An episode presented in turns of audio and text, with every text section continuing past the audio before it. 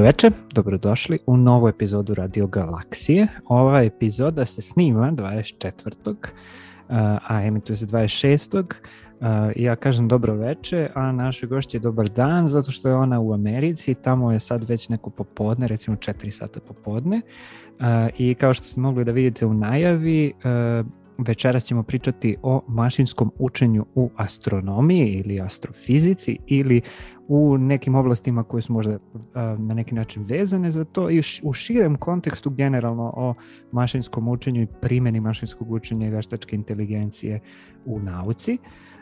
A gošća je doktorka Aleksandra Ćiprijanović, koja je završila astrofiziku i doktorirala na astrofizici ovde u Beogradu, a onda otišla u Chicago i sad se tamo u Fermilabu bavi mašinskim učenjem u astronomiji. Pričat ćemo u nekom drugom delu emisije u suštini o nekim njenim projektima uh, i uh, zaboravio sam da da kažem da je associate scientist, odnosno kako se to zove, kako si rekla?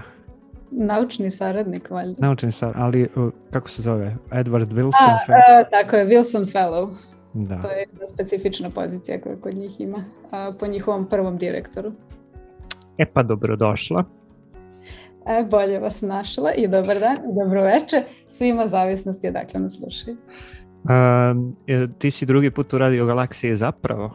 To Jesam. Je prvi put smo pričali o nečem potpuno drugom, dok si bila ovde u Beogradu, bila si na doktoratu uh, i bavila si se gama zračenjem uh, i uh, ta čuvena Gamma Girls Group uh, je nešto što je tebi bilo tad u fokusu, a sad se baviš malo drugačijim stvarima, da? Tako je, tako je. I vrlo sam se, se rado sećam tog prvog gostovanja, iako je to već bilo pre dosta godina. da, ja ne znam koliko ima, sigurno 4-5 godina, tako nešto. Minimum, da. Da, da, da. da. A, dobro, ajde da krenemo odmah um, od nekih uh, osnovnih stvari, a, a to je zašto, odnosno na koji način e, je bitno baviti se podacima u astronomiji. Znači astronomija, to svi učimo u stvari u srednjoj školi. Čim dođeš na čas fizike, onaj jedan nedeljno, koji se bavi astronomijom, prva stvar ja mislim koju ti kažu je da je astronomija posmatračka nauka, da nije eksperimentalna, da nije e, ne možete napraviti zvezdu u laboratoriji pa da gledate šta se dešava, nego ste osuđeni samo na posmatranje. I istorijski to izgledalo na različite načine. Danas se sve više zapravo koriste razni algoritmi veštačke inteligencije i mašinskog učenja, o čemu ćemo da pričamo, ali ajde krenemo sa nekim uvodom u to kako izgledaju podaci u astronomiji, zašto su bitni, kako se obrađuju i tako dalje. Kako se to ranije radilo, a onda ćemo polako da pričamo i o tome kako se radi u mašinskom učenju.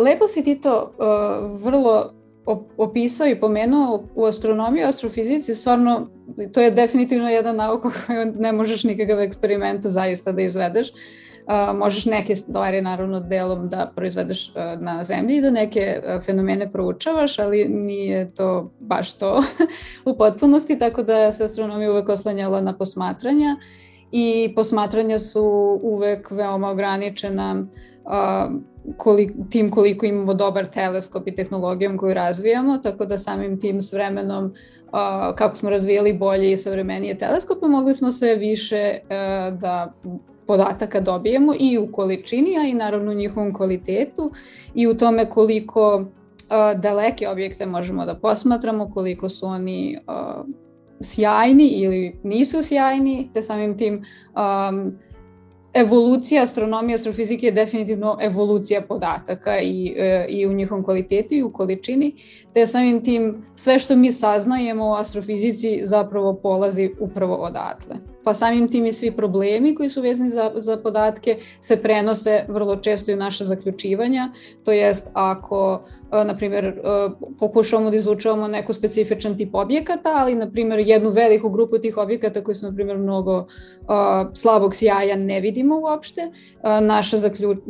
ono što mi budemo zaključivali o tom tipu uh, objekata će jednostavno biti pogrešno, s obzirom da jednu veliku populaciju ne možemo da posmatramo. Mm -hmm. um, u današnje vreme sa mno, mnogo savremenijim i velikim teleskopima i sa pregledima celog neba imamo naravno mnogo uh, manje takvih problema, ali opet s druge strane su nam i kompleksnije i možda sitniji detalji koje želimo da proučavamo, tako da svaki put ostajemo, um, moramo i dalje da budemo pažljivi i moramo vrlo dobro razumemo šta je to što uspevamo da detektujemo, a šta ne uspevamo. Mm -hmm.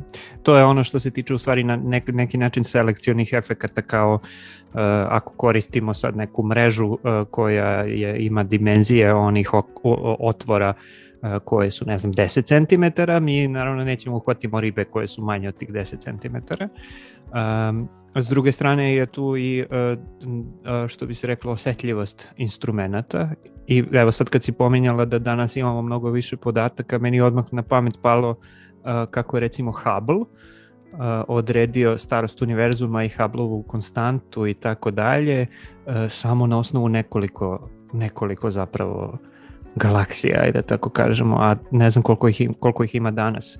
I tu sad možda možda bi eto na tom primjeru mogli da, da pričamo o tome koje metode on tad koristio da bi obradio te podatke kada izvuče iz toga nešto, a kako bi se to danas radilo, je li to isto ili nije? A, pa dobro, zanimljiv primjer. U principu mnoge stvari možda, se... Možda postoji bolji, ne znam, sad slobodno, slobodno ne, ne. ignoriši potpuno taj ako postoji bolji. Ne, ne, super je primjer. Uh, mislim, i taj primjer može vuče razne neke druge paralele u astrofizici. Naravno, uh, Hubble, mislim, Hubble je koristio dva vrlo nakon, na neki način danas osnovna i poznata fenomena da izmeri i daljine do tih uh, drugih galaksija i um, znači s jedne strane koristio je te promenljive zvezde um, koje pulsiraju i čija se ovaj, svetlost menja u nekim pravilnim periodima te samim tim mogu da se koriste da vrlo se na neki način precizno odredi njihova daljina. Um, i na taj način gleda koliko je nešto daleko, a s druge strane opet koriste taj kao Dopplerov pomak a, da, da pogleda ovaj, koliko su, koliko su isto te galaksije udaljene, ta, na taj način je mogao da izračuna ovaj, tu daljinu. I sad s jedne strane u astrofizici, mislim, će se često takve stvari koristiti i dalje, a međutim problem je u tome a, što vrlo često ćete za razliku od Hubble imati mnogo veću količinu uh, podataka, tako da mm -hmm. nekada, čak i kada koristimo stare metode, moramo da uspemo da nađemo način da to mnogo više i bolje automatski odradimo. Uh, jer uh, stvari koje mnogi stare metode koje su se koristile i mislim koje se danas i dalje vrlo često koriste uh, su spore. I kada vi imate milijarde objekata koji su vam dostupni, ako biste mogli sve to da preračunate za sve te objekte, uh, to bi naravno dali mno, mnogo precizniji rezultat, međutim uh, automatski uraditi to nije, nije tako naivno. Te samim tim zbog toga se možda sad nekako astronomi i astrofizičari vrlo često okreću tom mašinskom učenju o kojem ćemo danas pričati, baš upravo zato da bi um, ponekad i te stare metode uspeli da, da primene na prave objekte, a da to bude primenjeno na milijardama objekata da bismo dobili preciznije rezultate. Mm -hmm. A kad kažeš stare metode, sad, sad ja te opet vraćam, a, Uh, volao bih da napravimo nekako uh, okvir kad pričamo o starim metodama, na šta se to sve podrazumeva. I kod Habla, uh, šta je bio kod Habla slučaj, a šta su neke klasične metode obrade podataka u astronomiji koje su se primenjivale i primenjuju dan danas, ako je danas recimo bi za neke probleme mnogo uspešnije bilo da se koriste. Ili ne uspešnije nego možda efikasnije, možda uh, je neophodno da se koriste algoritmi mašinskog učenja? Um, Hubble je tu fitovao, odnosno to je ono što zovemo linearnom regresijom u suštini, jel da? Ali tu sad ima još i drugih stvari. Um, pa jeste. Uh, sad, s jedne strane, na primjer, ako se osvrnemo na linearnu regresiju, um, ovaj, u ovom konkretnom slučaju Havlove konstante to možda uh, i je i ok bilo da se radi naravno na taj uh, način gde vi uh, ono, izračunate njihove daljine i, i, uh, i koliko su sjajne te zvezde i možete da, da fitujete tu linearnu regresiju. Međutim, um, mnogi problemi u astrofizici nisu baš toliko prosti. Nekada nije mhm. lako uh, fitovati uh, nekom prostom jednačinom ili prostim zakonom uh, podatke. Tako da u takvim situacijama je vrlo korisno imati neki kompleksni algoritam koji možda ne mora da se ograniči uh, ni na vaše poznavanje problema u smislu fizike da nešto eksplicitno možete da zapišete ili da možete da fitujete pravom linijom ili tako nešto. Uh, kod mašinskog učenja algoritmi su sposobni da uh, mnogo kompleksniji, mnogo problema koji su ponekad i u mnogo dimenzionalni, fituju vrlo lako, Uh, bez toga da moraš da, da imate potrebu da eksplicitno zapišete neku jednačinu da biste to uradili. I u takvim situacijama uh, koji su nažalost ili na sreću u današnjoj kompleksnoj fizici i astrofizici kojom se bavimo vrlo česti, ovaj, um, ovi algoritmi to mogu da izvedu. Um, I to je u stvari razlog zbog koga se sve više i više koriste. Ne samo to što imamo mnogo podataka, već zapravo zato što su te zakonitosti koje važe između podataka vrlo često kompleksne. Mm -hmm. I vrlo je teško um, teško fitovati uh, neke stvari eksplicitnim funkcijama. Jer na kraju krajeva uvek imamo one um, viceve ili anegdote vezane za fizičare i naučnike gde kažu da je kokoška sferna ili je galaksija sferna, ali mi svi vrlo dobro znamo da to nije realno. Samim tim svi fizički zakoni koji polaze iz takvih aproksimacija uvek naravno znamo da imaju neki manjak. A sa nam mašinskim učenjem možemo da prevaziđemo sverne kokoške i možemo da kokošku fitujemo kao kokošku sa svim njenim detaljima. I zato mm -hmm. A čak, čak i da ne znamo zapravo koje sve detalje želimo da... da.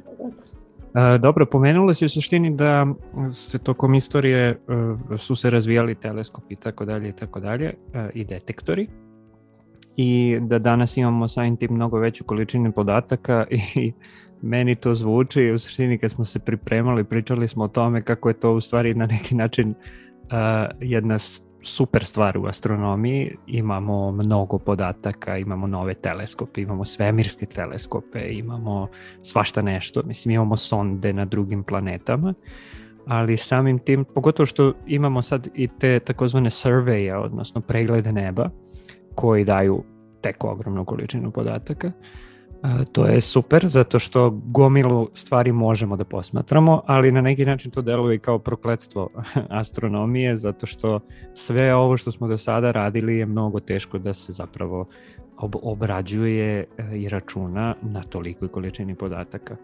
Pa e, ja mislim da je to potpuno jasno, mislim svima, svi pričaju sad o tim velikim podacima i tako dalje, ali ajde da možda malo dublje pričamo o tome šta je tu zapravo problem. Uh, a, ko, koji tu sve ko, konkretniji problemi postoje i šta je big data u astronomiji, šta su problemi za klasične metode i tako dalje.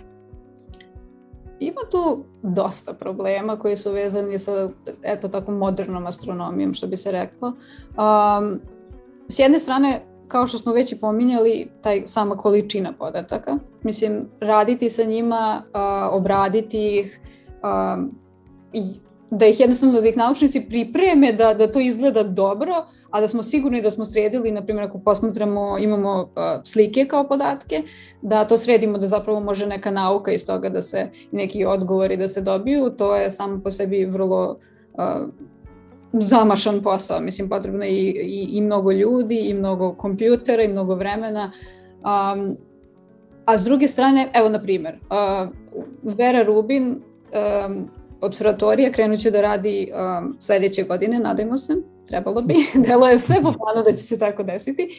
Um, I taj teleskop, on koristi uh, najveću CCD kameru ikada napravljenu za kao uh, teleskope koji su na zemlji. Um, prvo, pregled, bit će, to će biti pregled celog neba koje je jel, vidljivo sa, sa te pozicije. Uh, planira se da se posmatra 10 godina Mislim, kao i kod mnogih stvari, vrlo vjerojatno će bude duže, ja se nadam, super. Da, da, da, ja. Ali bit će 10 godina, a um, samo, uh, na primjer, jedna slika cijelog neba, kada bismo pokušali da pogledamo da, da, da je predstavimo, na primjer, nekom televizoru, trebalo bi nam, koliko ja znam, 1500 high definition televizora, samo za jednu sliku celog tog neba. I sad zamislite da to posmatrate a, cijelo nebo na svakih par dana uspete da posmatrate i onda to radite 10 godina neprekidno. Mislim, sama ta količina podataka je prosto um, neverovatno velika. Znači to su u suštini milioni piksela, milioni puta milioni piksela. Bukvalno, bukvalno, da. Hiljadu i po televizora puta, ajde kažemo HD je ono, hiljadu i nešto. Tako je, da, da, da. Okay. Mislim, to su terabajti podataka, um, znači, ja mislim da to skoro svaki dan. Bukvalno, mm -hmm. tako da, mislim, u nije astronomija jedina nauka koja ima taj problem, naravno. Mislim, ovde gde, se, gde ja radim na Fermilabu, to je laboratorija koja ima jako velike eksperimente za kao fiziku visokih energija. I mhm. oni, mislim, na primjer, kao u CERN-u, oni su imali taj akcelerator najveći dok CERN nije napravljen, rade neke slične stvari i oni imaju jednako velike probleme. Mislim, njihovi podaci su isto ogromni, um, na primjer, zanimljivost koja je vezana isto, ja mislim, i kod njih za, kao visoke energije u fizici i u astronomiji. Šta radite, na primjer, kada imate tako ogromne podatke, a zanima vas neki fenomen koji se redko dešava. Mislim, kako uopšte da dođete do, da, da nađete dovoljno podataka u celom tom brdu svega što je posmatrano, onoga što vas zapravo zanima što želite da proučite, nešto što se redko dešava. Na primjer, u astronomiji а, шта ако а, леп пример би били били ти као неки пролазни брзи феномени, на пример експлозија супернових или а, гама блескови или било што на пример што е још јако значено да се јако брзо детектуе на време, да бисте могли да обавестите, например, други телескопи да посматрају то на другим таласним дужинама, што е врло значено за изучување таких објеката. Mm -hmm. а, а, to je, na primjer, jedna nada, gde se nadam da će kao uh, mašinsko učenje ako se implementira u cele te sisteme, moći da pome, pomogne da se takve stvari detektuju odmah čim se desi. Baš zbog toga da bi se moglo javiti drugim ljudima na drugim teleskopima. Mm -hmm. Um, a kako, kako se to radi? Mislim, je li to sad Vera, Vera Rubin uh, observatorija će se baviti tim stvarima ili sad pričaš generalno? Pričam generalno, ali naravno, mislim, nada je i za Vera Rubin da, da možemo da uh, da implementiramo neke algoritme koji će nekako moći na vreme ovaj, uh, da nam kažu da li se nešto zanimljivo dešava. Ja mislim da iskreno za što se Vera Rubin tiče, neće se mašinsko učenje um, toliko biti implementirano da bude baš mnogo sistema automatski vezano za mašinsko učenje, zato što nauka je ipak na kraju krajeva mora da potpunosti veruje algoritmu koji je napravila, e, a mislim mašinsko učenje je na neki način bez obzira što se eksponencijalno mnogo povećava količina korišćenja mašinskog učenja u nauci, ni, nismo mi još baš tu došli. Ja verujem da će šta god bude sledeće, sledeće nakon tih, uh, nakon Vere Rubin i svih uh, stvari koje trenutno imamo, da će definitivno barem neke stvari biti automatizovane sa mašinskim učenjem. Mm -hmm. U Vere uh, Rubin, Da, da, da. Dobro, pričat ćemo o tim nekim ograničenjima koje uh, mašinsko učenje, a i generalno razni drugi algoritmi veštačke inteligencije uh, uh, nose sa sobom i kad je nauka u pitanju, u stvari kad je nauka u pitanju, pričat ćemo danas, postoje i razni drugi problemi. Ja samo, eto, mogu i tebi da preporučim, a podsjetit ću i slušavace. Uh, imali smo pre nekoliko epizoda zapravo jednu priču a tebi će biti zanimljivo, Vlasta Sikimić koja se bavi filozofijom mašinskog učenja je gostovala pa smo pričali baš o tome koji su problemi sa primjenom mašinskog učenja i ona je radila neka istraživanja baš u Fermilabu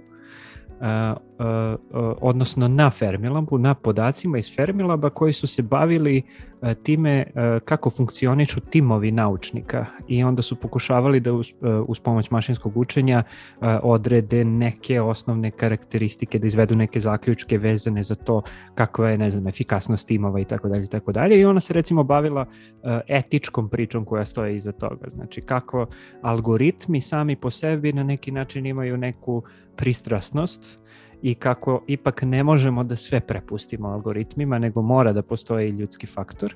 E sad, ja sam ovo sad dugačko ovaj, pomenuo zato što sam hteo da podsjetim na tu epizodu i da tebi preporučim, ali u suštini slične stvari mogu da se dese i kada imamo sirove naučne podatke, znači algoritam na neki način jeste pristrasan, algoritam jeste crna kutija, ali pričat ćemo, pričat ćemo uh, i o tome, uh, ali bih volio da se vratimo u suštini um, na to šta podrazumevamo pod velikim podacima. Ja sam se nešto u skorije vreme bavio mašinskim učenjem i tako dalje i tu postoje ona 3V čuvena, hoćeš možda to da pomeneš.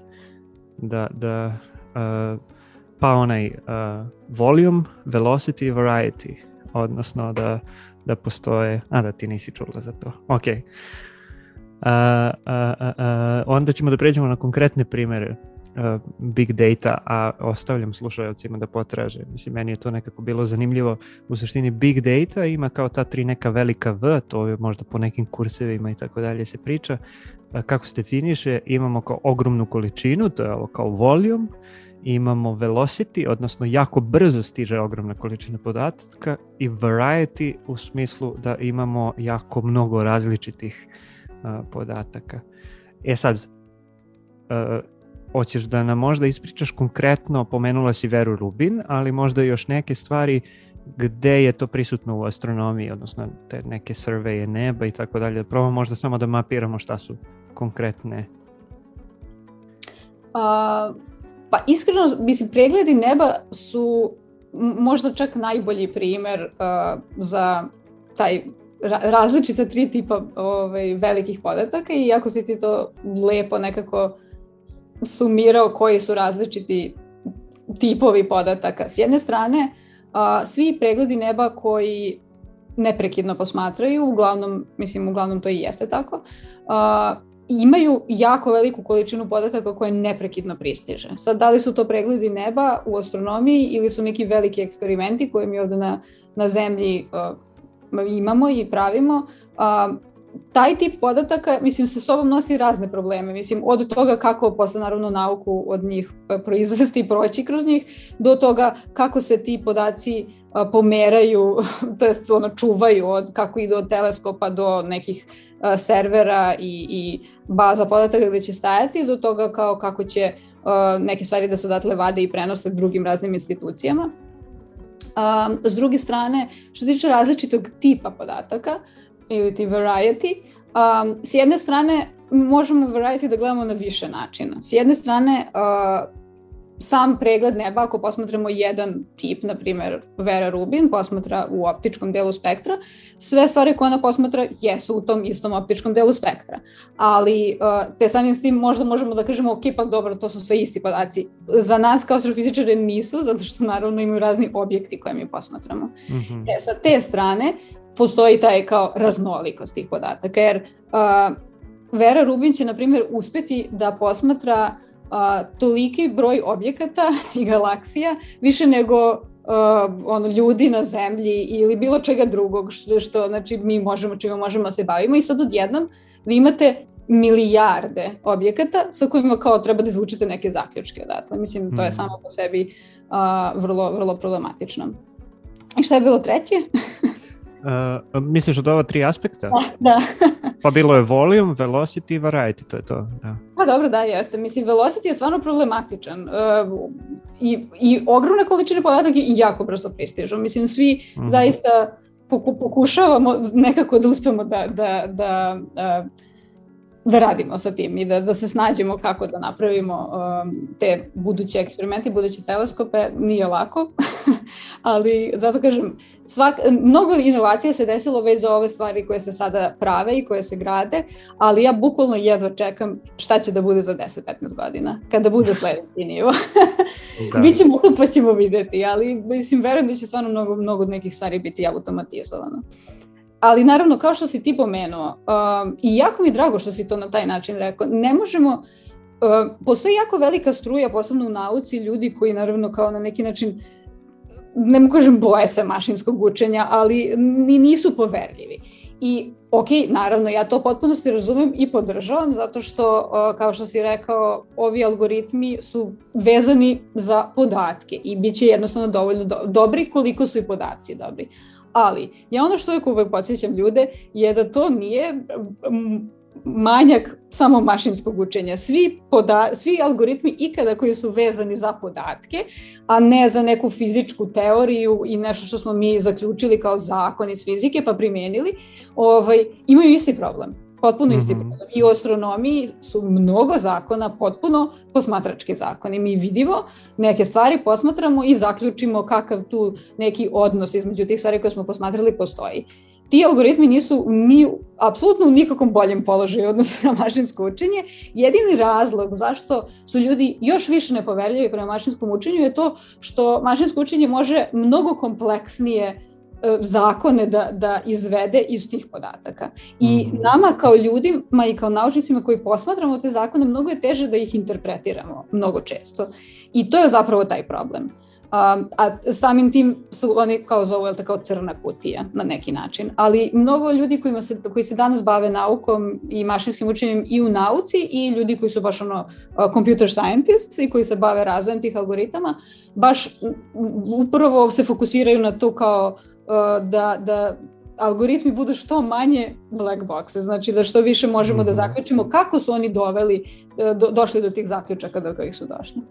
Pa i to naravno verovatno zavisi od podataka i od toga i, ko, i koji se model koristi i tako dalje. Neki modeli su verovatno mnogo mnogo jednostavniji i jako su, da kažem, nedokučivi ljudskoj um, ljudskoj, ne znam, operativnosti kad je, kad je uh, obrada podataka u pitanju. Uh, Uh, I ima tu sad, sad si me podsjetila, ima potpuno jedna fenomenalna uh, izjava uh, ovog Andrew Nga, uh, koji je jedan prilično poznati edukator i generalno bavi se veštačkom inteligencijom. Ima čuveni kurs koji se zove Machine Learning na Stanfordu koji ja mislim da svi koji ulaze u data science i tu oblast su na neki način imali dodir sa tim kursom i baš skoro vidio da znači on ima neki stav da mašinskom učenju treba pristupati na taj način da zapravo ne bude, da budeš malo više data centric, a manje model centric. Odnosno da sve probleme koje imaš vezano za to da li taj tvoj model i algoritam radi kako treba, treba prvo da rešavaš tako što ćeš da gledaš da imaš što kvalitetnije podatke, što čistije podatke, što jasnije podatke, a tek onda ovo sve, sve ostalo. To je 100% tačno. ja se slažem i, ja, i, i mislim da je to jedna možda prva stvar koju svakom studentu treba reći kada, kada uh, kreće da uče. To je, na primjer, ok, sada mašinsko učenje već kreće polako da, da postoje kursevi na fakultetima i nije baš sad toliko kao kad smo mi bili studenti, ovaj, ali, ali nema toga još uvijek baš sad toliko puno. I jako je bitno skrenuti pažnju studentima. Čak ja, evo, mislim, ja volim da, da pominjem jedan vrlo poznat primer, koji nije astrofizičarski, koji uvek volim da, da, da, da im nekako opišem taj problem da su podaci u stvari ti koji su glavni. Um, kada se pravio jedan od tih poznatih um, kao poda, grupa podataka na kojima se svi kao algoritmi testiraju i sad algoritmi i postoji jedan grupa algoritama koja treba da prepoznaje ljudska lica. I tada se pravio uh, taj um, dataset, podaci koji su se zvali uh, Human Faces in the Wild ili tako nešto tog tipa. I oni su pravljeni tako što su samo neki algoritam koji automatski skida slike sa interneta, pokupio hiljade slika, ljudi isečene glave i to je to. I uh, razni algoritmi ovih najvećih IBM-a, Google-a i tako dalje, oni su se svi testirali na tom, tim podacima i kao bili su kao odlično, imamo jako mali, uh, mali, male greške, algoritmi rade super i onda su samo posle nekog vremena, pritom, ti algoritmi se koriste u svakodnevnom životu, u industriji, tako primjenjivali su za svašta nešto, što mislim nije, nije naivno, ovaj, dotiče sve nas ovako na svakodnevnom nivou. Um, I tek posle nekog vremena su primetili da je greška u prepoznavanju uh, kao muškaraca sa kao svetlom bojom kože lica ono manje od 1%, ali na primjer uh, žene koje su, imaju tamnu boju kože, on, njihova greška je, ne znam, 35%. mm Tako da, apsolutno neprihvatljiva količina greške i videlo se kad su posle pogledali u taj, taj set da ne znam, ima samo tipa možda 500 slika žena koje predstavlja, tipa George Bush, predsjednik Amerike ima, znači taj jedan čovek, više slika od toga u tom tim podacima. Mislim, stvarno nerealni podaci. Tako da, da niko se tada nije nekako očigledno dovoljno setio da, da zaista pročešljate podatke i da porazmisli o tome šta rade. Mm -hmm. U astronomiji je to još mnogo teže, jer mislim, objekti nisu tako vrlo često toliko očigledni i take stvari, tako da plus u astronomiji ne znate šta je istina vrlo često, ne znate da ono što ste posmatrali, koliki je odnos različitih tipova objekata, da li je to stvarno odnos koji postoji u prirodi ili ne. Mm -hmm. a, to je veliki problem, a, a opet vaš model koji budete gradili na podacima koje ste uspeli posmatrate će a, doneti zaključke, mislim, vezane za podatke koje vi imate. Ako imate problem, na primjer, da imate mnogo malo od nekog tipa objekata zato što ih niste dovoljno isposmatrali, to će se odraziti na vaš model, a to ne znači da je uopšte takva situacija u stvarnosti. Mm -hmm. To je jedan od onih bajesa, odnosno uh, pristrasnosti, selekcionih efekata, kako god. Uh, ajde napravimo sad jednu malu pauzu. Ovde smo zaokružili na neki način uvodi priču o big data i velikim podacima, pa ćemo da se vratimo da pričamo dalje o astronomiji i o tome malo detaljnije šta je mašinsko učenje. Sve vreme ga pominjemo, pominjemo, a nismo zapravo ni objasnili ovaj, neke detalje i ti si sad ušla u tu priču o tome o treniranju i testiranju, a to ćemo kasnije da objasnimo. Slušamo muziku.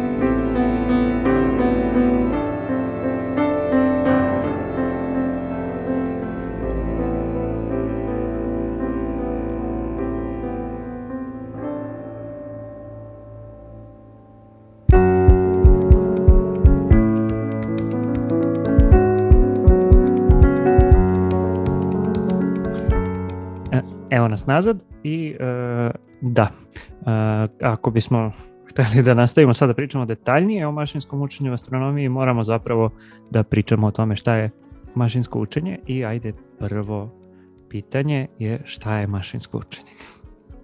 To je jako dobro pitanje zato što postoji tu nekoliko uh, bitnih naziva koji se vrlo često samo tako bacaju u razgovoru, a niko i, i mešaju se jedan s drugim, nikada se nekako ne objasne dovoljno, tako da postoje tri stvari koje bi ja nekako voljela da ovde objasnim šta su. Um, prva stvar je veštačka inteligencija.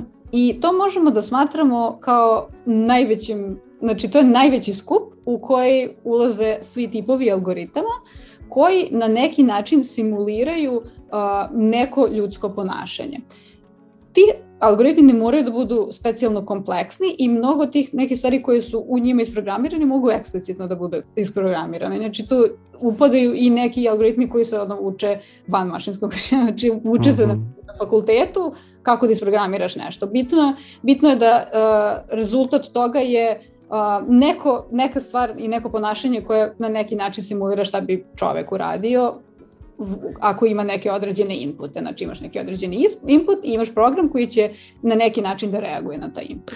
Na primer, ajde taman kad smo tu sad, a ja sam malo prepomenuo Hubble i taj linearni fit, u suštini to je nešto što mi smo na faksu radili na prvoj godini, gde ti sad imaš neke podatke, gde imaš podatke o tome kako jedna fizička veličina zavisi sa promenom druge fizičke veličine i kada je ta zavisnost linearna, odnosno kada postoji um, prava koja može da se provuče kroz te podatke tako da ti podaci lepo legnu na tu pravu ili oko te prave, to je nešto što zovemo linearni fit ili linearna regresija. I sad mi smo to bukvalno, i ti si sigurno to radila, radili na papiru.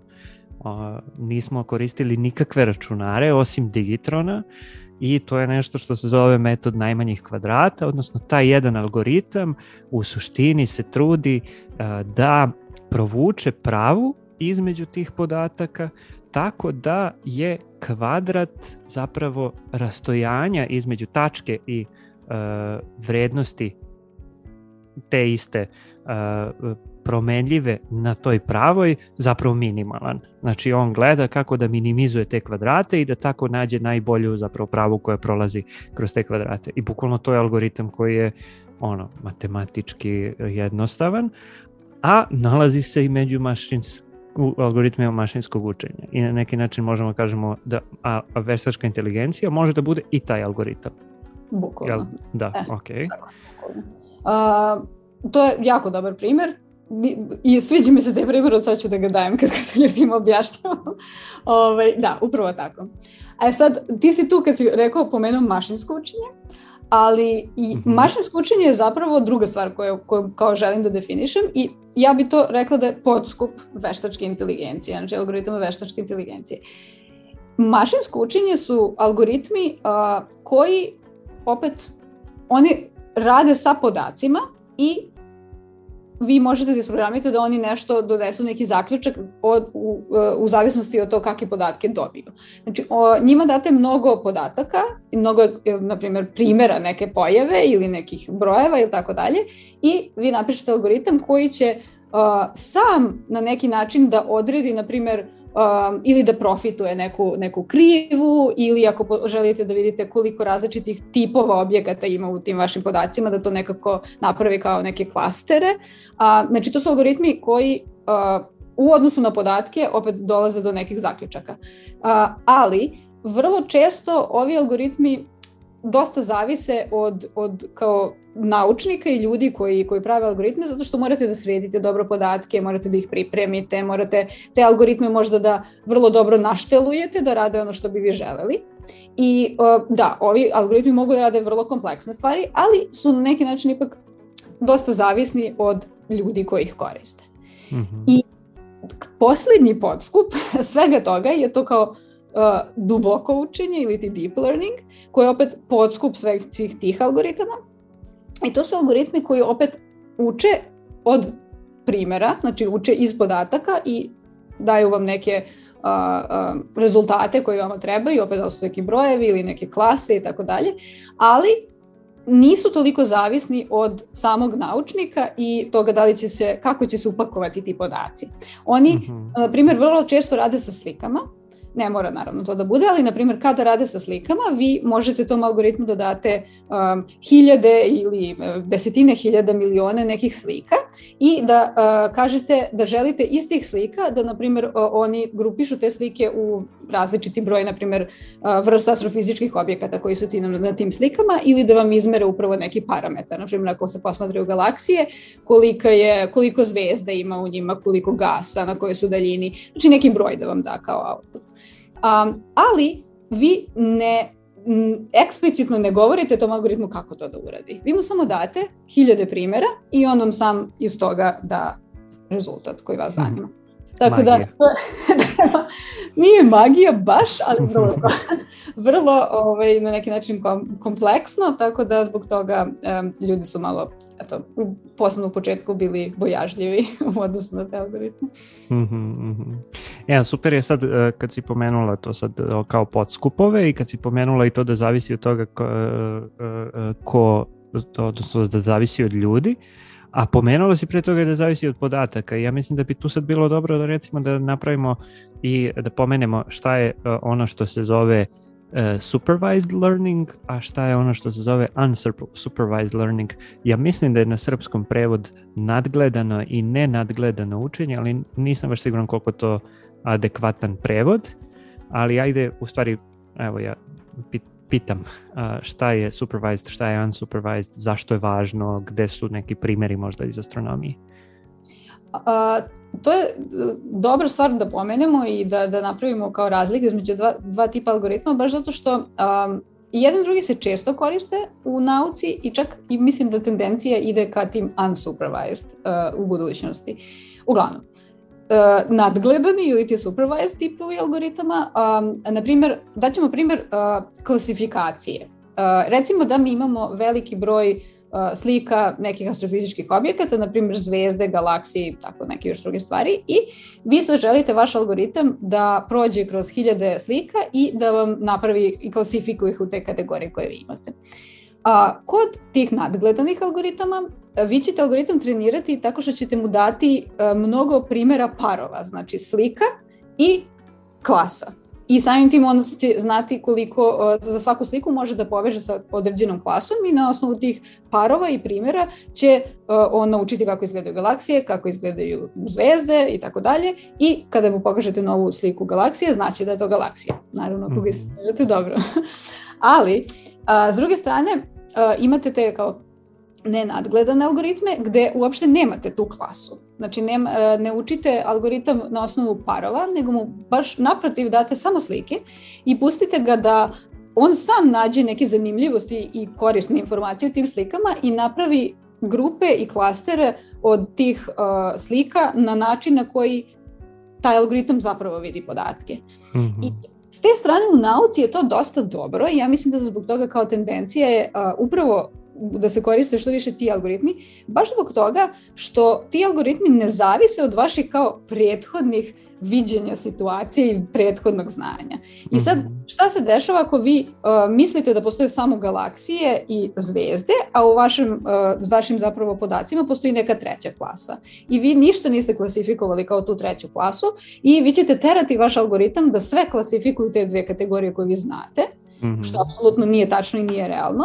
Dok s druge strane, ako im pustite algoritam da sam nađe uh, kategorije i klase, on će možda uspeti da shvati da postoji ta treća klasa tu. Mm -hmm. I baš zbog toga, pošto mnogo u astronomiji će, verujemo da će biti mnogo situacija gde tako nešto uh, postoji, mi želimo da ne budemo ograničeni sobstvenim predznanjem ili ili stvarima koje mislimo da znamo, a zapravo ne znamo. Um, i da ne gradimo algoritme koji su na taj način ograničeni na kojim smo mi ograničeni. Mm -hmm, mm -hmm.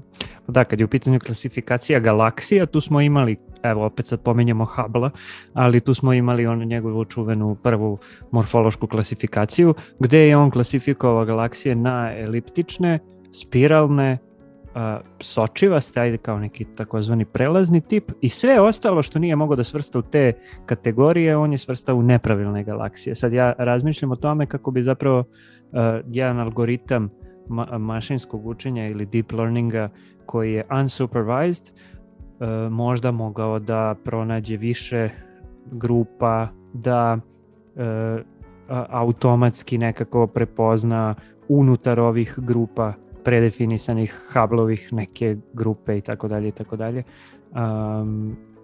Da, ne znam, ne bih sada da te pita, možemo o tome da pričamo i posle, ali eto, to samo mi je palo na pamet. To je, to je dobar primjer, zanimljiv. I, nažalost, znam, postoji rad koji je zapravo to pokušao da uradi. ne znam tačno sada ko je prvi autor da ga citiram, ali postoji rad gde su baš primenili uh, to uh, nenadgledano učenje na ono, galaksije da vide da li će mašinsku da. da dođe do nekih drugačijih kategorizacija i zapravo nije došlo. Što znači da, barem u tom konkretnom primjeru smo na vrlo dobrom putu. to jest, da. samo algoritam nije uspio neke kao druge potpuno čudne drugačije stvari da, da, da klasifikuje i da grupiše, već je zapravo uradio vrlo slično kao i mi. Ali to ne znači da u nekim drugim situacijama ili kod nekih objekata gde možda malo teže da ih posmatramo, da će biti isti, isti rezultat. Mm -hmm. Da, baš ću da potražim nešto, da to nisam znao za to, a bukvalno ono, jako intuitivno mi je bilo sad kad smo, kad smo pomenuli ovo.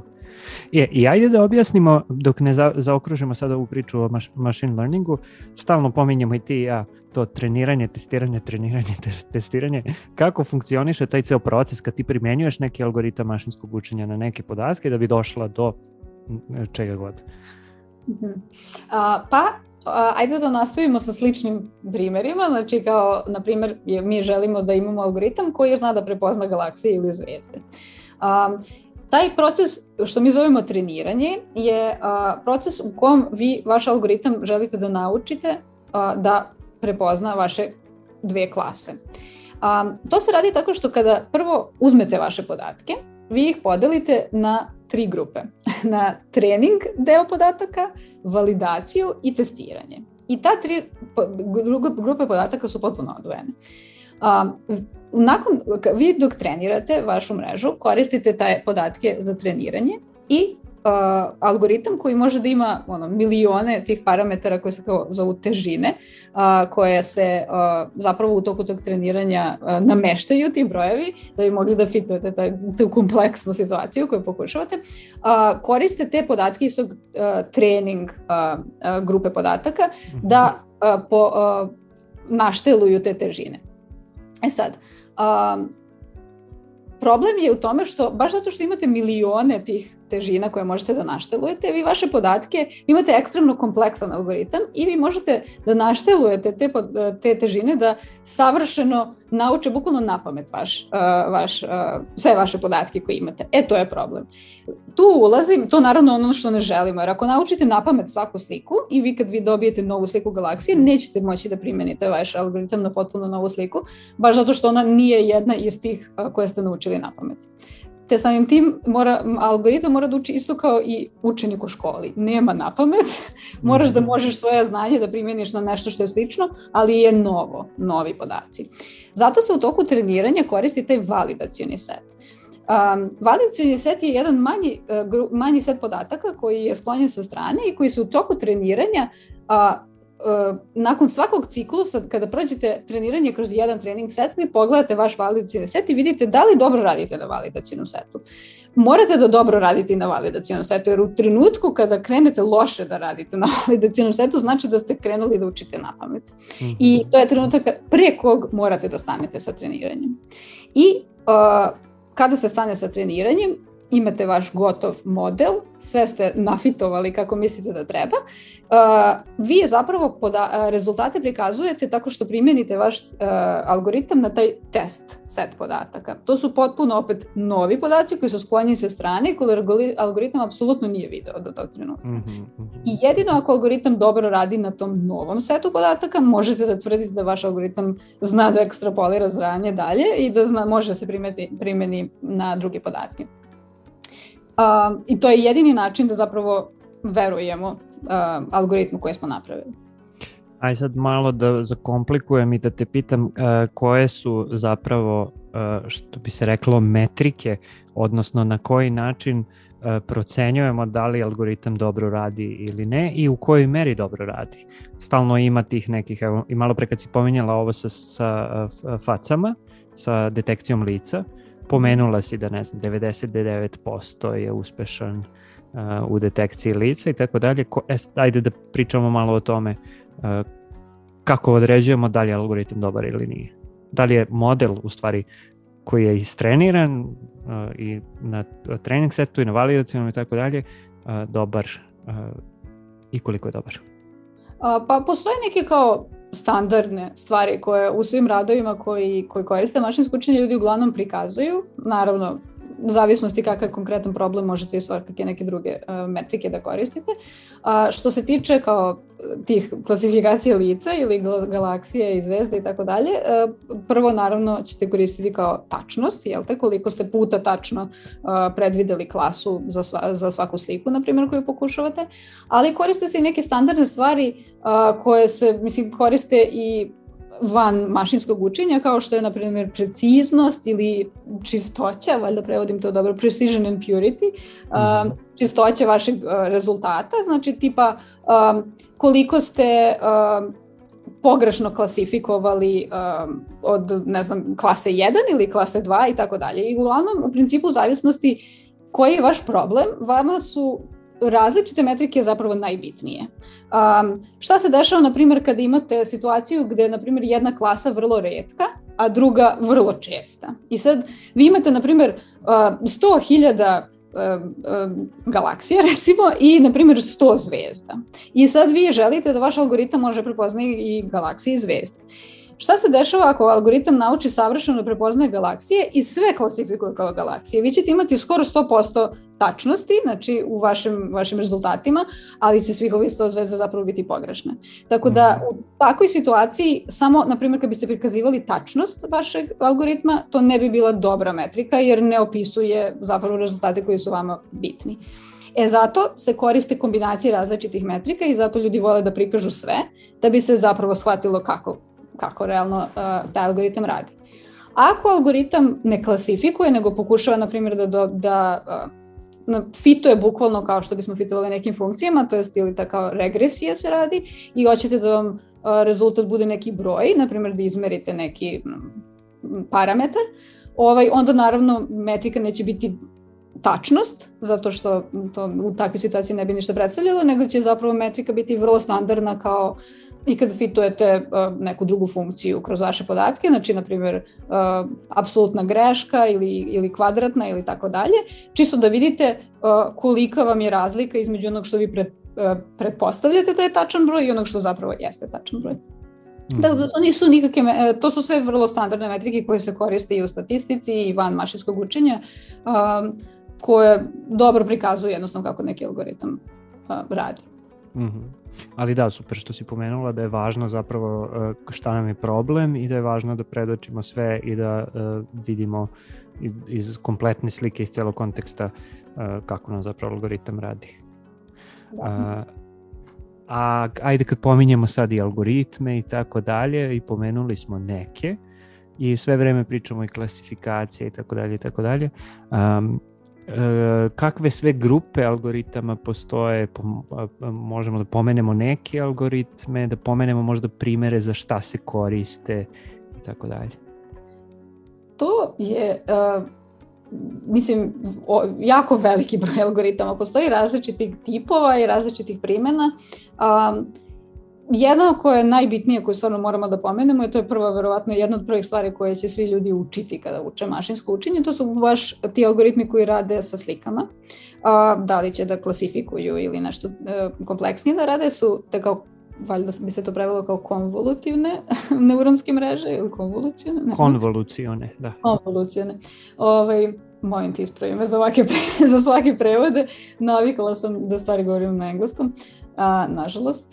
I, a, dakle, convolutional neural networks, to su a, a, algoritmi koji a, funkcionišu tako što a, možete svaku sliku da smatrate to zapravo kao jedna matrica piksela i vrednosti piksela, tako da bukvalno uh, imate ono, 2D um, matricu sa vrednostima piksela i um, u ovom tipu algoritama vi imate uh, nešto što zovemo filteri, koje su zapravo isto samo manje matrice, a, koje na neki način a, mi a, vučemo preko naše slike i sad ti, i množimo vrednosti matrice sa matricom i sad, na primjer, taj tip filtera, jedan tip filtera, na primjer, može da otkrije sve vertikalne linije na vašoj slici ili horizontalne ili neke druge dijagonalne, šta god. I tako kako se ide, um, vi uh, imate, na primjer, u prvom redu, imate prvi red, imate uh, neki određen broj filtera koji vi prevlačite preko vaše slike i saznate tako neke informacije.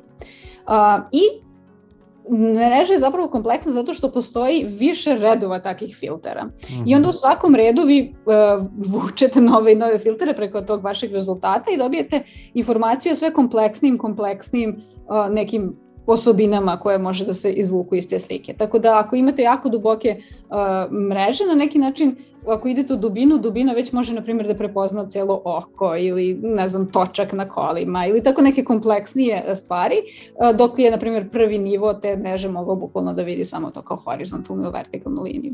Mm. Um, E, na taj način ti algoritmi nekako saznaju i izvlače zanimljive informacije iz tih slika, koje se na kraju, uh, uh, kako idemo u dubinu, sve vreme smanjuju i smanjuju da dođu u jedan bukvalno jednodimenzionalni red koji se naziva latentni prostor i zapravo to može, taj prostor može da ima hiljade dimenzija, može da ima i stotine, zavisi kako vi napravite vaš model i to je u stvari prostor u kom vaša mreža gledate podatke i kako ona njih vidi. Tako da vi pre, prebacujete problem iz sveta slika koje su 2D u neki multidimenzionalni uh, prostor u kojima uh, ta mreža zna kako uh, ne znam, galaksije izgledaju, u kom delu regije će se nalaziti, a gde su zvezde ili neke druge stvari. I onda na osnovu toga može da vam klasifikuje različite uh, kategorije ili izračuna neki broj i tako dalje. Mhm. E, to su algoritmi koji su nekako osnova za sve stvari koje se rade sa slikama. Ali postoje različiti neki drugi zanimljivi tipovi algoritama. Um, postoje, na primjer, algoritmi koji su kao recimo zanimljivo uh, generativni um, uh, algoritmi koji uh, nakon što algoritam taj početak prevede sliku u taj multidimensionalni prostor, ima drugi deo koji je bukvalno obranut i koji iz tog, na primjer, 100 dimenzija, zna da e, uzme tačku odatle i da radi bukvalno unazad i da to prevede i da stvori novu sliku. Mm -hmm. Tako da iz slike vi sliku nekako kodirate u taj prostor i onda je dekodirate iz prostora nazad. I oni su jako korisni, ovo je samo jedan kratak zanimljiv primer, jako su korisni zato što, na primjer, mogu se astronomiji koristiti za uklanjanje uh, nekog uh, šuma ili nekih problema i tako dalje. Ili, uh, na primjer, ako imate posmatranja sa niskom rezolucijom, da vam stvori posmatranje sa visokom rezolucijom. Zato što vi te vaše podatke enkodirate u taj prostor, on nauči kako bi stvari da je trebali da izgledaju i zna da vam, na primjer, odatle proizvede isto taj objekat, ali očišćen, bez, tih, bez problema ili sa boljom rezolucijom i tako dalje.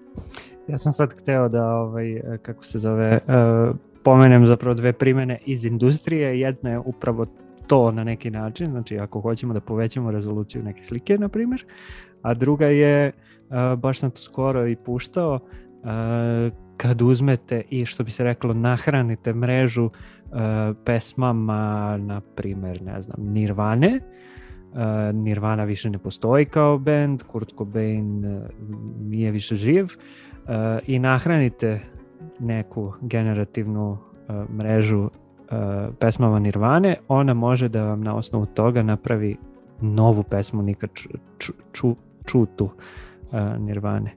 Um, ali ovo nije epizoda o industriji i tako tim i zabavi, nego o astronomiji, tako da baš strava što si pomenula to i posle ćemo i da pričamo o zapravo o nekoj stvari koju si ti radila vezano baš za te neke ono detekcije na čipovima i tako dalje i tako dalje. Uh, Drago mi taj primjer, zato što uh, jeste da kao ovo nije naravno epizoda o industriji, ali uh, je to jako dobar primjer zato što to je bukvalno stvar u koju se koriste u fizici sada, sve mhm. više i više. I to, na primjer, Disney radi, da, jer vrlo je teško napraviti one animacije koje, jel tako, oni rade. Ovaj, I onda uh, oni naprave animaciju koja je, na primjer, sva ispikselizirana i loše izgleda i iskoriste tu mrežu da naprave super lepu rezoluciju i da samim tim koriste manje ono, kompjutera da bi vam napravili crtanje da gledate. I to su, na primjer, stvari koje se koriste uh, i u fizici vrlo često, na primjer baš bukvalno uh, fizika akceleratora i stvari koje su ljudi na Fermilab rade i u CERNu, imaju takođe ekstremno kompleksne simulacije i mnogo je brže, radi se na primjer sad na istraživanju, jer mnogo je brže napraviti rezolu, e, lošu rezoluciju, napraviš simulaciju koja je brza, ali ima lošu rezoluciju, onda iskoristiš neuronsku mrežu da digneš rezoluciju jako brzo i da, naravno, posle možeš da radiš tu nauku za koju je potrebna ta visoka rezolucija. Naravno, u nauci je mnogo teško i bitno dobro proveriti da li ste vi to dobro uradili, da li kad ste digli mm. rezoluciju imate sve iste osobine kao da ste full simulirali od početka, ali mislim ako se to postigne, onda jako lako i brže možete se baviti naukom. To je mm. ogrom, ogroman benefit, mnogo dobra stvar. E, dobro, znači pomenuli smo konvolucijne, pomenuli smo generativne, postoje naravno i rekurentne. E, hoćeš nešto kažeš više o tome? Pa može, naravno. A, rekurentne su isto jedna stvar koja su, mislim, dosta primenljiva u astronomiji. Rekurentne e, mreže a, su mreže u kojih a, svaki nivo u toj mreži ima informacije o, o izlazu iz svakog prethodnog. I samim tim te mreže su jako dobre da razumeju stvari koje se menjaju u vremenu. Te samim tim mogu da se koriste um, od, mislim, neke stvari koje su, na primjer, vezane za jezik u industriji ili muzike ili tako dalje, ali i u astronomiji mogu da se koriste gde god imate vremenski promenljive objekte. Znači, ako mhm. imate, na primjer, posmatrate ili, na primjer, spektar uh, nekog objekta koji je promenljiv, recimo, ne znam, eksplodira supernova i ona se od tog trenutka u narednih nekoliko dana će se vrlo mnogo menjati i ako imate mrežu koja može da shvati da, da taj objekat ima promenljiv spektar, lako će moći da se koristi da nađe neke slične objekte tog tipa. I uh, to je jedan dobar primjer, ali postoje, mislim, i ljudi koji koriste ne, za neke druge stvari u astronomiji, jer u astronomiji ima dosta objekata koji su jednostavno promenljivi. Mm -hmm. I uh, vrlo je, a opet s druge strane mnogo je značajno neki od tih uloviti na vreme, baš kao te eksplozije supernovih koje su jako kratkog veka su neke stvari koje se vezane za supernovi. Jako je dobro da ih brzo ulovimo, a pritom se i ne dešavaju toliko često, tako da zato je, da, eto tako kao nada da ćemo moći da primenimo neke algoritme tog tipa, da ih nađemo na vreme. Mm -hmm. I ajde pre nego što krenemo na pauzu, uleteli smo u tu priču o neuralnim mrežama, a nismo rekli zapravo šta su neuralne mreže, mada ti jesi kroz priču o ovome na neki način objasnila kako to funkcioniše, ali ajde zaokružimo sa time pa da napravimo jednu pauzu. Uh, da. Uh, pa ne, neuralne mreže su uh, algoritmi koji se sastoje od veštačkih neurona uh, Um, veštački neuron uh, ili perceptron, ne, različito, na različitim mestima ćete imati različiti naziv, um, je jedan vrlo prost sistem koji na neki način simulira realan neuron u mozgu. Um, svaki neuron u mozgu možete da posmatrate da, da je to jedna ćelija u koju ulazi neki uh, ono, električni impuls, neke snage I u zavisnosti od toga kakav je neuron i koja je njegova svrha, on će, na primjer, propustiti tu informaciju dalje do sledećeg neurona ili neće.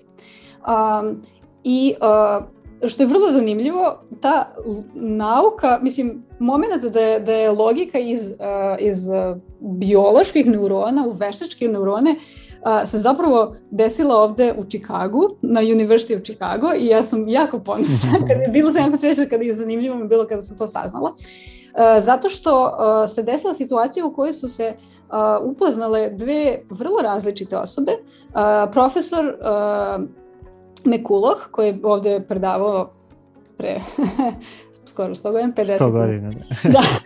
Predavao je na, na fakultetu, ali čovek je bio, mislim, biolog, ne, bavio se neurologijom i mozgom. A, I a, Pic, koji je, što je najgore, bio u tom trenutku u srednjoj školi, ali je bio jako dobro u matematici. Um, I uh, kada su se oni upoznali, krenuli nekako da pričaju o, o mozgu i o neuronima, shvatili su da, da da vrlo lako može matematički da se zapiše taj način na koji neuroni rade i mm -hmm. neuroni isto u mozgu se udružuju u grupe tako da a, rezultati koji se šalju iz jednog neurona u drugi dolaze do nekog trećeg i onda opet on ima neku svoju ulogu, propusti dalje taj struju i tako dalje i Uh, to je vrlo lako može da se napiše i matematički. Matematički ili ti veštački neuroni koji se koriste u neuronskim mrežama, bukvalno uh, uzimaju neke brojeve kao ulaznu informaciju, sabiraju ih, propuštaju ih kroz neku mi to nazivamo aktivaciona funkcija, ali to je neka nelinearnost koja omogućava a, a, zbiru neurona da radi neke vrlo kompleksne stvari koja je tu bitna, koja na neki način malo promeni taj zbir i taj zbir se propušta sledećem neuronu, da se koristi kao ulaz u sledeći neuron. I vi onda možete da slažete uh, stotine neurona u, u neke uh, nizove i da prolazite i kombinujete informacije iz jednog u drugi, iz jednog u drugi, da biste na kraju dobili neki rezultat koji vas zanima, koji vas zanima na kraju. Mm -hmm. Na kraju krajeva isto kao i u mozgu, samo je zapisano kroz brojeve i kroz vrlo proste matematičke operacije. I to je ono što si pomenula u stvari, znači imamo filtere, koji filter je neka vrsta matrice, imamo o, ne znam šta si još pomenula, u suštini svodi se na neko množenje matrica, vektora i tako dalje. Skalara, da. da, bukvalno najobičnije, najprostije sabiranje brojeva. Samo što je pitanje da li su vam brojevi a, u, u jednoj dimenziji, da li su u dve, to jest slike i matrice, ili su možda u tri i tako dalje. Postoje a, mreže koje rade i, i a, u kao kockama u 3D, što bi se reklo i tako dalje, ali kada pogledate šta se tu zapravo dešava, to je samo najprostije matematičke operacije, sabiranje i tako dalje, ali pošto imate jako mnogo tih neurona koji rade zajedno, onda vi zbog toga možete da radite mnogo kompleksne stvari. Eto, ako se neko pitao e, čemu e, linearna algebra i matrice i tako dalje, e, bukvalno bez linearne algebre ovo ne bi moglo funkcioniše. tako Ajde, pravimo jednu malu pauzu pa ćemo da se vratimo da sad, da sad pričamo zapravo o primeni svega ovoga u astronomiji malo detaljnije i onome što i ti konkretno radiš. Važi.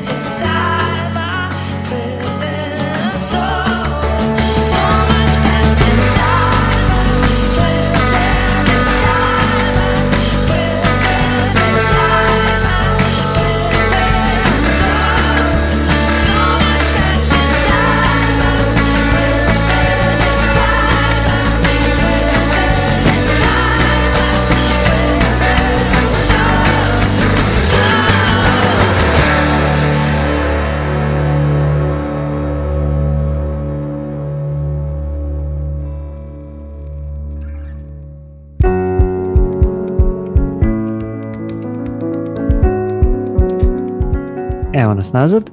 I sad e, možemo da pređemo na zapravo konkretne primere, o, o, primere toga gde se, mada smo pominjali sve vreme usput ono malo po malo, ali možemo da krenemo sad u malo neke veće detalje i konkretno ono što ti radiš, ali pre nego što krenemo ja bih da pomenem u stvari da neka vrsta automatizacije, odnosno nije, nije čak ni automatizacije, nego pomeranja fokusa sa tog uh, starog načina obrade podataka i potrebe za tim da više obradu podataka ne radi samo istraživač koji radi to, nego da je bukvalno potrebna pomoć uh, drugih, uh, je čuveni projekat Galaxy Zoo, koji je nastao tamo negde 90. godina, čini, u stvari možda malo kasnije, nisam siguran, i kasnije se razgranao i na gomilu drugih još dodatnih projekata, tako da se to danas zove Zo, Zo, Zoniverse, Zoniverse, zooniverse.org, ko, koga zanima, a nije čuo neka pogleda, ima potpuno neverovatnih projekata.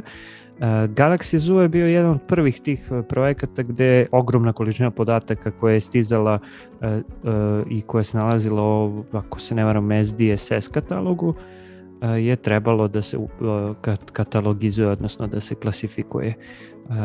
I ajde da pričamo malo o tome kako je, šta, šta se, čemu, čemu je bio taj projekat i šta je sve, čemu je doprineo i šta je sve sa njim moglo da se radi, a šta nije moglo i zašto nam nije dovoljno da imamo samo takav pristup ogromnoj količini podataka. Da, to je jedan vrlo zanimljiv uh, projekat i kao što ti rekao, mnogo mi je drago zato što on je nekako pokrenuo stvarno da se to koristi u raznim nekim drugim naukama i tako dalje. To je projekat u kojem uh, su tada prvo uzeli podatke sa tog Sloan pregleda neba SDSS, što, kako si ga ti nazvao? što ljudi vole u astronomiji da koriste tako skraćenice. Ove, ovaj, dobro, mora naravno, uh, vrlo često imamo toliko stvari. Ali, znači, tu su uzeli podatke različitih vrsta objekata i koristili su bukvalno hiljade ljudi koji su bili volonteri, koji su gledali te slike i njih su klasifikovali u neke grupe. Naravno, oni su njih obučili kroz primere i pokazali im kako, ne znam, izgleda spiralna galaksija, kako izgleda eliptična, kako izgleda zvezda ili sudar dve galaksije. A, I onda na osnovu tih primjera su oni jednostavno gledali i prolazili kroz te hiljade drugih novih slika i klasifikovali ih u te a, a, kategorije. I onda naravno a, što više a, i ljudi odgovori sa jednakim identičnim odgovorom za neku kategoriju za sliku, ta slika ima kao, uh, će dobiti kategoriju koje, kao, koje se više veruje. Uh, I onda u zavisnosti od toga vi možete, na primjer, ako hoćete raditi nauku, koristite samo podatke koji kao, su klasifikovani sa velikom sigurnošću. A, s jedne strane, to je bilo stvarno jako, jako dobro, zato što je proizvelo jednostavno veliki, uh, velike podatke koje prvo imate, u kojima imate kategorije za, za razne neke objekte i, i dan danas se dosta koristi za a, mašinsko učenje, zato što baš kao što smo rekli kod mašinskog učenja, ako imate te nadgledane algoritme, treba vam, trebaju vam slike sa klasom. Znači, treba vam da znate da li je to uh, spiralna, eliptična, zvezda ili tako na, ili neka druga galaksija. Ovaj, I zbog toga se kao Galaxy Zoo nekako postao je još poznatiji kad je krenula ta era mašinskog učenja, ja mislim. Um, nakon tog prvog Galaxy Zoo-a uh, posto, napravljeni su razni neki drugi Galaxy Zoo. Mislim, u smislu astronomije. Mm -hmm. Sada imamo i kao Galaxy Zoo 2, uh, onda imamo uh, Galaxy Zoo vezan za Hubble, gde su uh, slike prosto kao mnogo bolje rezolucije i, uh, i uh, preciznije, uh, ili neki, jedan koji se zove uh, Decals. Um, u svakom slučaju, priča slična. Vi imate neki tip kategorija i volonteri klasifikuju to u različite neke kategorije koje su pred, predzadate na neki način. To je korisno, ali jako problematično. Zato što um, ljudi će naravno se truditi da budu što precizniji, ali um, ono što možemo sigurno da očekujemo i što smo naravno videli u svim tim projektima je da uh, primjeri koji su vrlo očigledni i prosti će dobiti uh, puno klasa koje su iste i bit će dobro klasifikovani, dok oni koji su prelazni i čudno izgledaju, što u astronomiji vrlo često pojava, ovaj, prosto neće... I, i vrlo često su nam baš ti zanimljivi. A, da, da, nažalost nećete jednostavno dobiti e, dobro, visoko kvalitetnu kategoriju. Isto tako, na primjer, ako gledate spiralnu galaksiju, ako ona okrenuta na vrlo jedan povoljan način i vi vidite da je spiralne grane i tako dalje, znaćete da je spiralna galaksija, ali ako okrenuta na neki nesrećan način, možda neće biti toliko očigledno i onda ćete, na primjer, pomešati sa nekom drugom, možda nekom uh, vrlo spljoštenom eliptičnom galaksijom ili, ili tako neke druge mm -hmm. stvari. Um, I onda se tu uvodi jedna greška u vaš, uh, uh, vaš set podataka koji se prenosi posle na sve rezultate koje, koje vi pokušavate da, da zaključite iz toga. I, na primjer, u eri mašinskog učenja ti podaci iz Galaxy Zoo se vrlo često koriste za treniranje algoritama i onda imate taj problem da se taj te greške koje, koje ljudi sami vide i prenose u te, te svoje kategorije, prenose u vaš algoritam. I, uh, I onda sve što posle radite sa tim algoritmom će imati ista predubeđenja bukvalno kao, mm -hmm. kao i ljudi koji su klasifikovali i to je jako problematično. Tako da s jedne strane ti uh, Galaxy Zoo podaci nam do, omogućavaju vrlo često da treniramo mašinsko učenje algoritme, ali s druge strane moramo vrlo pažljivi da budemo i da razmišljamo o rezultatima, zato što su vrlo često vrlo problematični. Mm -hmm. I da, ja ću samo da pomenem još koga zanima, možete bukvalno da odete na sajt zoniverse.org uh, i uh, on u slobodno vreme dok se vozite busom ili ne znam nija šta, bukvalno možete da učestvujete i ima ne samo ovih vezano za galaksije, i, ima i za glomilu drugih stvari i za promenljive zvezde, zvezde i za solarne džetove i za detekciju diskova kod planeta i tako dalje i tako dalje. Uh, ok, uh, znači imamo uh, uh, imamo Galaxy Zoo kao jedan dobar početak na neki način bavljanja velikim podacima i rekla si šta fali. Ajde da zapravo pričamo o tome kako mašinsko učenje možda rešava te probleme sa Galaxy Zoom, na primjer. Pa, um, s jedne strane, um, mašinsko učenje vam omogućava da vi prođete kroz još mnogo više podataka, mnogo brže i uh, Posebno ako koristite, na primjer, to uh, nenadgledano učenje, onda će ono možda moći da klasifikuje, uh, ako pokušavate da grupišete podatke u neke kategorije, kao što su Galaxy Zoo uradili, uh, će možda moći da uradi to sa manje grešaka, nego što su ljudi koji su, kao što si rekao, u prevozu kliktali na te slike i kategorisali ih da urade. I s te strane se polažu nade da će neki slični ali misli slični podaci biti napravljeni uz pomoć mašinskog učenja koji će biti možda čistiji i bolji nego što je Galaxy Zoo. Um, druga stvar uh, gde mašinsko učenje može da pomogne je um, to da um, ono, na primjer, može da koristi podatke iz Galaxy Zoo-a, uh, i, ali da se uz pomoć tog algoritma ti podaci sa Galaxy Zoo možda povežu sa podacima iz neke druge simulacije ili nekog drugog teleskopa. Tako da se nađu, na primjer, sličnosti koje postoje između tih objekata iz ta dva različita uh, grupe dataseta, grupe podataka.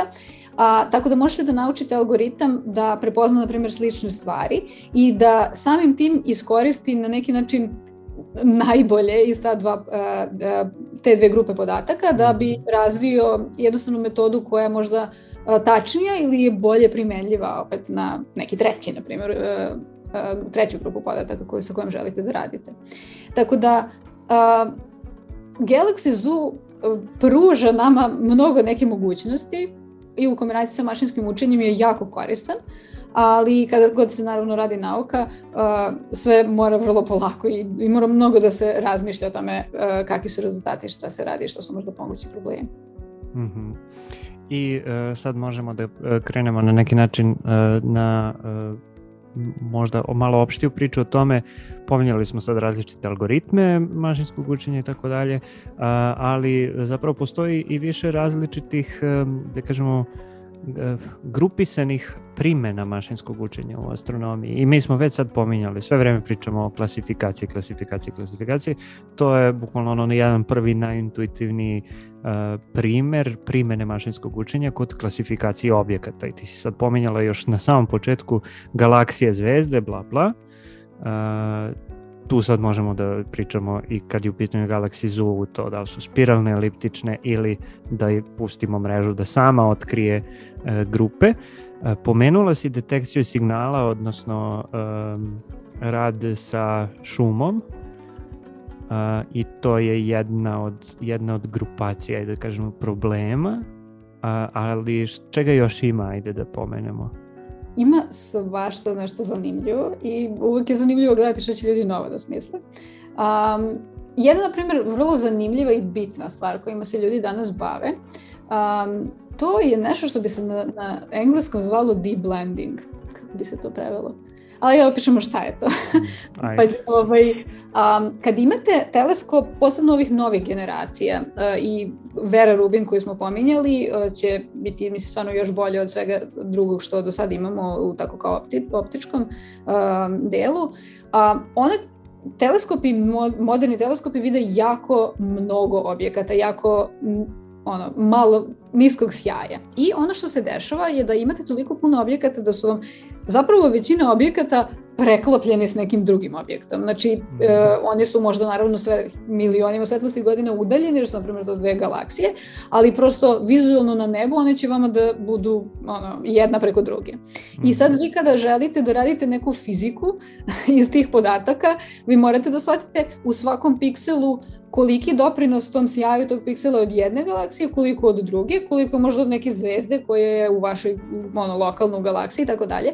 I to će postavljati sve veći i veći problem, mislim veći problem, jako mnogo ljudi rade na, na razvoju algoritama koji će možda uspeti da to što tačnije razdvoje, da vi znate da li je, na primjer, 30% svetlosti u tom pikselu od jedne galaksije, 70 od druge, da biste mogli, na primjer, da izmerite tačno flux, pa da iz toga, na primjer, nešto izračunate vezano za taj objekat. E sad, na primjer, pokušavaju ljudi i putem mašinskog učenja da to izvedu, da, na primjer, simuliraju više preklopljenih galaksija i da nauče algoritam da iz tih simulacija u kojima vi tačno znate koliki je doprinos u svakom pikselu uh mhm. -huh. ovaj, od različite simulirane galaksije, da, da naučite algoritam da, da to sam nekako shvati i da preračuna i da onda može da vam, kada vi dobijete stvarno pravu sliku sa teleskopa, sa par preklopljenih objekata, zapravo može da im potpuno razdvoji ta tri objekta i da vam tri odvojene slike sa tim objektima ali u kojima naravno vi verujete realnost, verujete tim, tim slikama i vrednostima u pikselima, tako da vi možete zapravo da, da merite neke parametre i da koristite to dalje za neke astrofizičke izračunavanja. Tako da, mislim, to se i dalje razvija, ja se nadam da će to uh, vrlo uspešno da se radi uskoro, s obzirom da će nam biti ekstremno potrebno. Ali to je, na primjer, jedan jako zanimljiv, uh, zanimljiv tip algoritama. Um, a kad, kad smo kad, kod tog tipa algoritama, um, um, postoji jedan specifičan tip algoritama koji kao, ajde, je sličan kao te, uh, ti algoritmi za klasifikaciju slika kojima smo pričali. Međutim, to su algoritmi koji ne klasifikuju cijelu sliku, nego zapravo pokušavaju da klasifikuju svaki piksel pojedinačno. Uh, I to je, to je, na primjer, to su algoritmi koji se koriste kod uh, ove kao uh, automobila koji sami voze automatski. Um, oni, na primjer, moraju da mogu da uh, prepoznaju tačno gde je čovek, uh, gde se tačno mm. nalazi saobraćeni znak i koji je, gde mu je ono, linija na putu da može da je prati i tako dalje. Znači tu nije bitno samo da, kaže, da zna o pa čovek mi se nalazi ispred mene, nego tačno i gde je da ga ne bi udario. Mm -hmm. tako? I ti algoritmi, oni rade sličan, sličnu stvar, oni klasifikuju, ali klasifikuju na nivou piksela. I takve stvari se opet mogu koristiti vrlo često uh, u astronomiji i primenjuje se i danas. Um, I to je, na primjer, jedan tip algoritma koji smo mi koristili, uh, znači ja i uh, moja grupa saradnika, da bukvalno nađemo to što si ti pominjao u jednom trenutku, uh, tako neke probleme na, u posmatranjima, da li negde povećan šum ili, na primjer, refleksija od primarnog ogledala. Prosto postoje razne neke stvari koje, nažalost, se dešavaju i zbog toga nam mhm. omogućavaju korišćenje te konkretne slike za neku astrofiziku. Um, na primjer, kad imate teleskop koji ima više ogledala, ako imate zvezdu koja je na nekoj vrlo, ono, vrlo sjajnu zvezdu, ali na nekom nesrećnom mestu, ona će jednostavno da stvori ocijaj od tog sekundarnog ogledala, koji će jednostavno da vam bude onako nekako kao neka jedan krug, neki čudan na sred vaše slike. I, mm. uh, i to su, to će se ono, dešavati u nekim random situacijama i vi želite da možete u svim vašim tim podacima da nađete slike koje imaju taj problem. Zbog toga što njih ne želite, ne znam, da sabirate sa drugim slikama uh, ili da iz njih izlačite neke uh, informacije vezane za jačinu ono, fluksa u pikselima, zato što prosto to nisu, nisu astrofizički merene pojave, nego je to jednostavno jedan problem. I, tim, I mi smo, na primjer, koristili algoritam gde, uh, gde smo trenirali baš tako taj jedan tip algoritma koji se zove Mask RCNN, um, koji, uh, u kom vi bukvalno mu date primere gde ste zaokružili razne probleme. Znači vi morate nažalost rukom da odete i da zaokružujete hiljade slika sa tim problemom, da bi on tačno naučio gde su granice i kako izgleda nešto što je problematično mm. i onda da on kada nauči uh, te granice može da posle na novoj slici vam opet tačno da granicu gde je na primjer taj problematičan region koji treba da se izbegava. Da, ali to radi samo za taj čip koji ste radili vi? Pa, Ili može da radi za neki bilo koji drugi? To. Taj konkretan algoritam uh, radi samo na tim podacima koji izgledaju baš tako kako smo mi koristili. Da, da, da. To je bio Dark Energy Survey. Postoje neki dodaci algoritmima i tom i nekim drugim, uh, kojim se, koji, mislim to je nešto u čime se ja konkretno bavim, um, koji vam mogu omogućiti da pređete sa jedne grupe podataka na drugi. To se mhm. naziva kao adaptacija domena. Uh -huh. Ali to je isto baš sličan problem. Konkretno u tom radu mi to nismo još koristili, ali baš kod tih automatizovanih kola koje sam pominjala, to je baš taj problem. Vi, šta se dešava ako vi imate auto koji ste trenirali na ulicama Beograda, gde imate određeni ono tip svetlosti i ljudi se oblače na jedan specifičan način, zgrade izgledaju ovako i onako, i onda kao kupite taj auto i želite da ga automatski vozite u San Francisco gde sve izgleda drugačije. E, mm -hmm. to je taj problem. Uh, taj auto bez tih dodatnih kao adaptacije do mene neće raditi, odmah ćete da se slupate, tako da uh, ta industrija konkretno vrlo, vrlo mnogo zavisi od, od um, do adaptacije domena. Ali kao što si ti lepo primetio i astronomiji, mi skoro uvek imamo isti taj problem. Zato što vrlo često želimo da, da radimo s nekim drugim teleskopom ili želimo da možemo da povežemo, uh, na primjer, simulacije i podatke simulacija sa pravim posmatranjima, što se inače vrlo često radi, jer je jako je korisno, jer u simulacijama znamo tačno šta se dešava, pa možemo da, da posle to nadamo se primenimo na stvarne objekte, A, a koristite neki vrlo bazičan ono, machine learning uh, algoritam, vrlo često nećete moći tako da se šetkate iz jednog u drugi. Mm -hmm, mm -hmm. Uh, dobro, pričat ćeš nam o tom ono, promeni domena, odnosno, pa da, promeni domena, adaptaciji domena. Uh, kasnije, kad budemo pričali baš o tom konkretnom stvari, aj sad da zaokružimo samo još da izlistamo možda nekoliko ovaj, uh, tih glavnih, da kažem, problema i primjera korišćenja machine learninga u astronomiji. Znači imali smo detekciju signala, imali smo klasifikaciju, imali smo deep blending, odnosno ja sam umeđu vremenu skontao da bi to mogla se možda prevede kao razlučivanje, da. ne znam. Može, može. Uh, ok. Pa ima, na primjer, zanimljivih, uh, još potpuno, pokušam sad da se setim nečeg što raz, ono raznolikije kao primene. Um, jedna stvar koja uh, može, na primjer, da se radi i na, algoritmi čim, kojim se kao bave trenutno razvijanjem naučnici koji su, na primjer, na Fermilabu, a, je a, pravljenje automatskog teleskopa. E sad, to su algoritmi koji se zovu reinforcement learning. Njih do sad nismo pominjali, mm -hmm. se to pre, prevelo, um, učenje kroz Ja ne znam kako se prevedi, da. da. Znači, to, to je slično kao um, nažalost i ono razni neki um, eksperimenti u psihologiji i tako dalje ili sa životinjama koji su radili gde vi um, pokušavate da naučite vaš algoritam tako što mu dajete ili, ne znam, psa, dajete mu neku nagradu. I sad vi, na primjer, želite da naučite psa da um, sedne, svaki put kad on uspe da sedne, vi njemu date neku nagradu i on nauči da je to nešto dobro.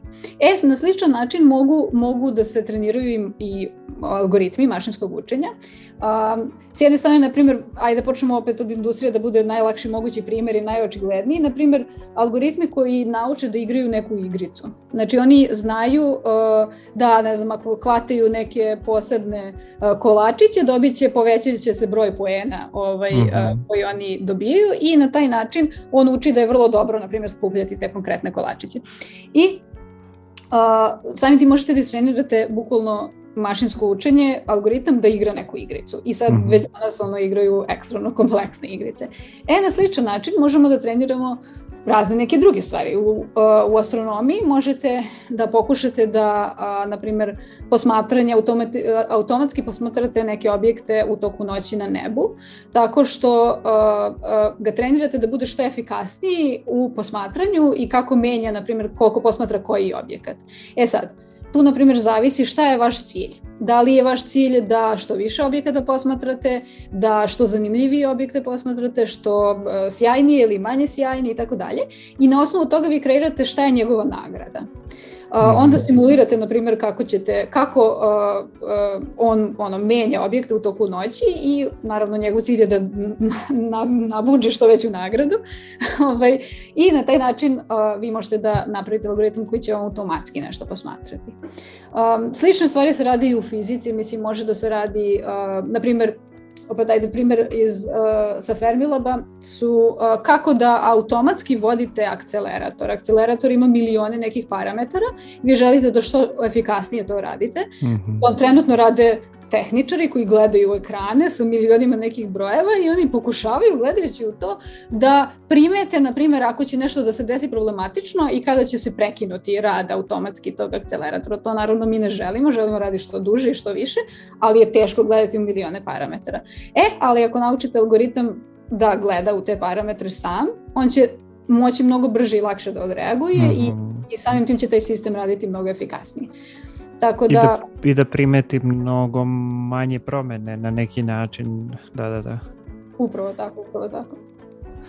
Uh, dobro, imamo nešto što bi se zvalo, odnosno generalno ceo set, taj cela grupa algoritama koje se, koje se zove kla, uh, clustering algoritmi. U suštini mi to dosta često koristimo u astronomiji, a daj nam neki primjer, znači klas, uh, klasterovanje, kako se prevodi, sad ne mogu ni ja da... Grupisanje, recimo. Da. Grupisanje, da.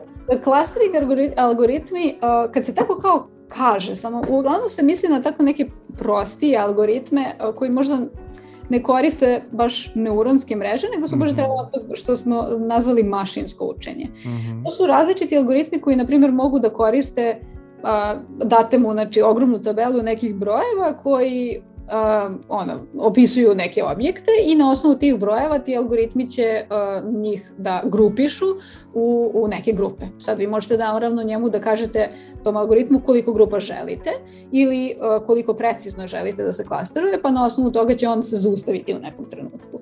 Naravno, to mhm. može se radi sa kompleksnim podacima, ali um, kao što rekoh, onda opet možda zahteva neka kao čoveka koji će malo srediti podatke i tako dalje.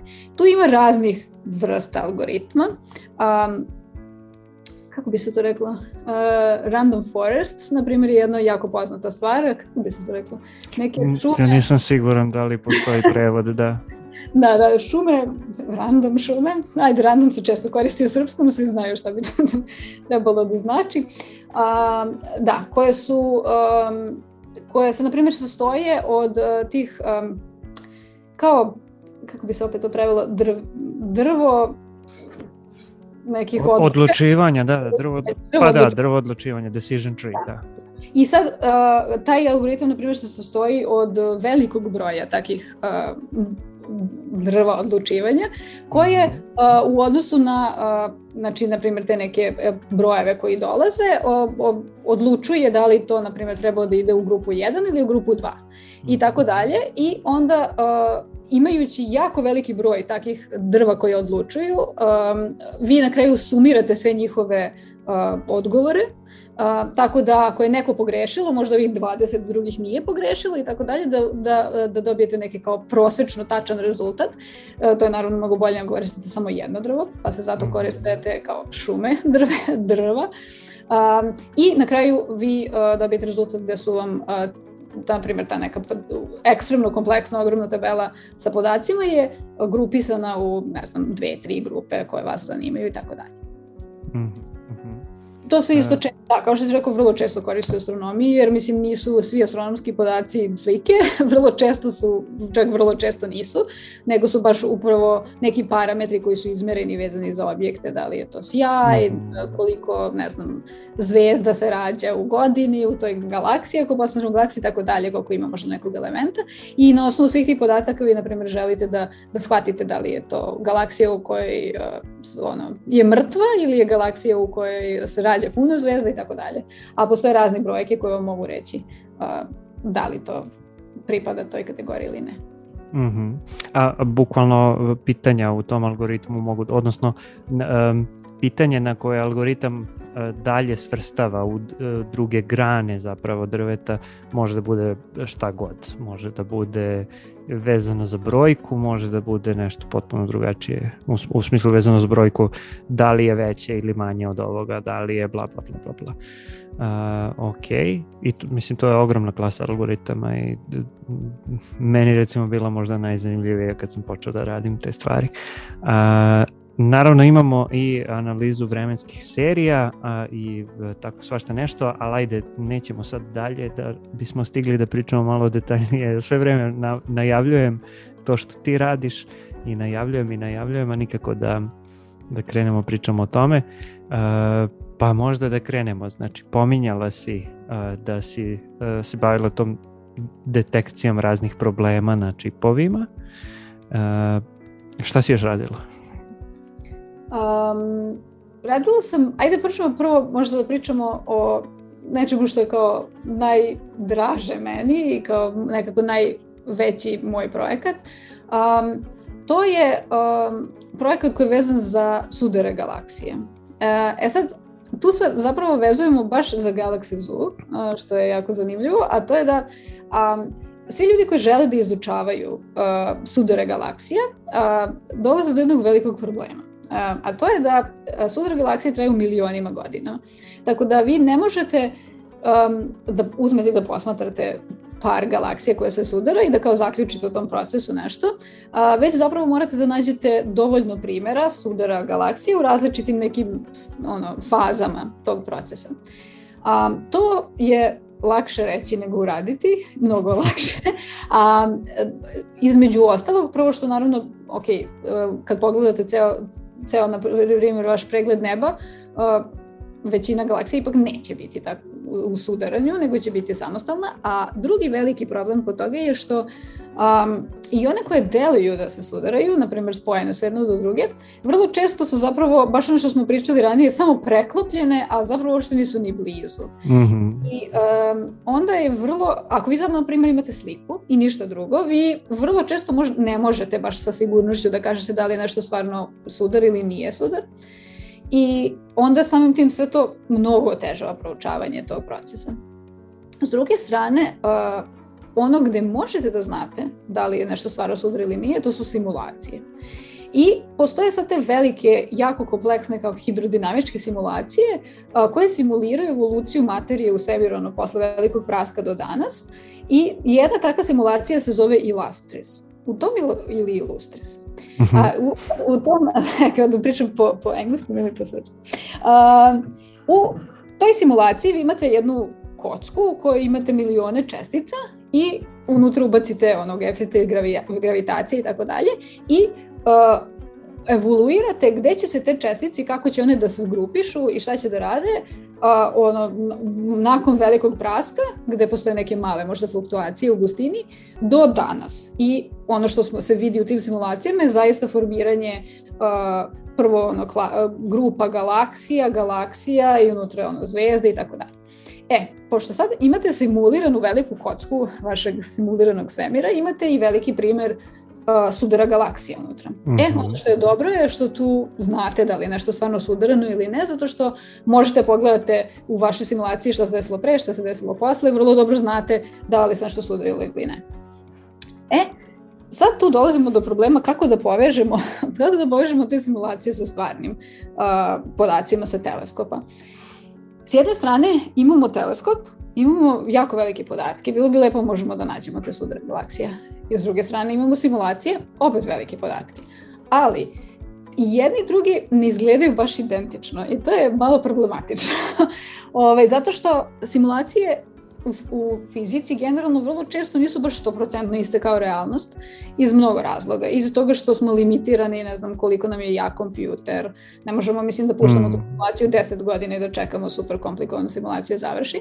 Moramo neke aproksimacije da uvodimo. Drugo, ni u jednom situaciji baš ne znamo svu fiziku. Tako da mi ćemo -hmm. ubaciti sve što znamo, a ono što ne znamo nije to. Ili šta ako nešto znamo pogrešno i onda ubacimo taj, taj isto moment. Ili se fokusiramo samo na jedan aspekt problema i ne sagledavamo ove ostale i tako dalje. Da. Tako Tako da na kraju rezultat su slike koje stvarno, na primjer, ako vadite slike tih, na primjer, sudara galaksija, one stvarno izgledaju slično kao neki teleskop i možemo još naknadno da dodamo, na primjer, nivo šuma ili o, to zamućenje od teleskopa, da, da se približimo određenom mhm. teleskopu, ali postoje te mini razlikice koje postoje. I kad vi trenirate algoritam mašinskog učenja, na primjer na vašim simulacijama gde znate tačno šta je sudar, šta nije, i pokušate posle da ga primenite na stvarnim podacima, ono što se dešava je da on uglavnom ili vrlo često radi mnogo lošije, ali isto tako jednako često ne radi uopšte. Znači, bukvalno imate tačnost, na primjer, znate da nađete uh, sudare galaksija u simulacijama ono, deve, preko 90% tačnost i onda primenite na teleskop i tamo je 50% tačnost. Bukvalno, ono, nabada, ništa ne pogađa, ko da ništa nije ni učio. Mm -hmm.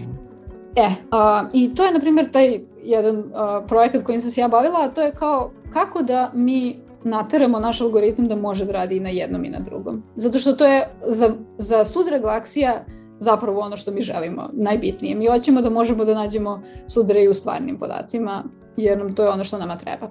E, tu je to na neki način ona promena domena što si pomenula? Znači mi sad menjamo, odnosno uh, trenir, ti si trenirala mrežu na simulacijama, na podacima iz Illustrisa, a sad ti je domen potpuno drugi, a to su realni podaci.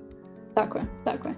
I uh, ti realni podaci, uh, tu ulazi, na primjer, taj Galaxy Zoo, uh, gde možemo da testiramo ne, da, li, da li na metoda radi ili ne.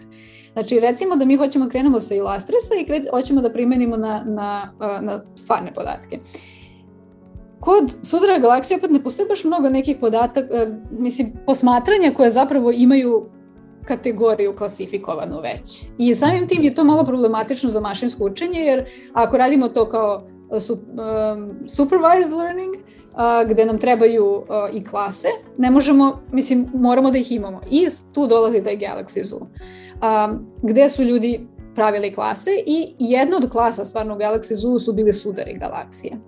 A, tako da smo mogli da treniramo algoritam i da ga testiramo na stvarnim podacima i da znamo, da vidimo da li je to, da li zna da nađe uh, sudare galaksije ili ne. Uh, tu postoji jedan drugi problem koji smo već pominjali kad smo pričali o, sud, o Galaxy Zoo, a to je da uh, uglavnom sudari koji su nađeni u Galaxy Zoo su baš onako jako prosti, ultra očigledni primeri, mm -hmm. a, gde kao imate dva, ono, dva jasno onako uh, centra galaksije, ostalo je sve nešto onako deformisano i tako dalje, baš se vidi da se dve galaksije sudaraju, dok u Illustrisu, u simulaciji ćete imati sve živo, znači nešto što otprilike baš i ne se ne vidi i što na prvi pogled i ne izgleda.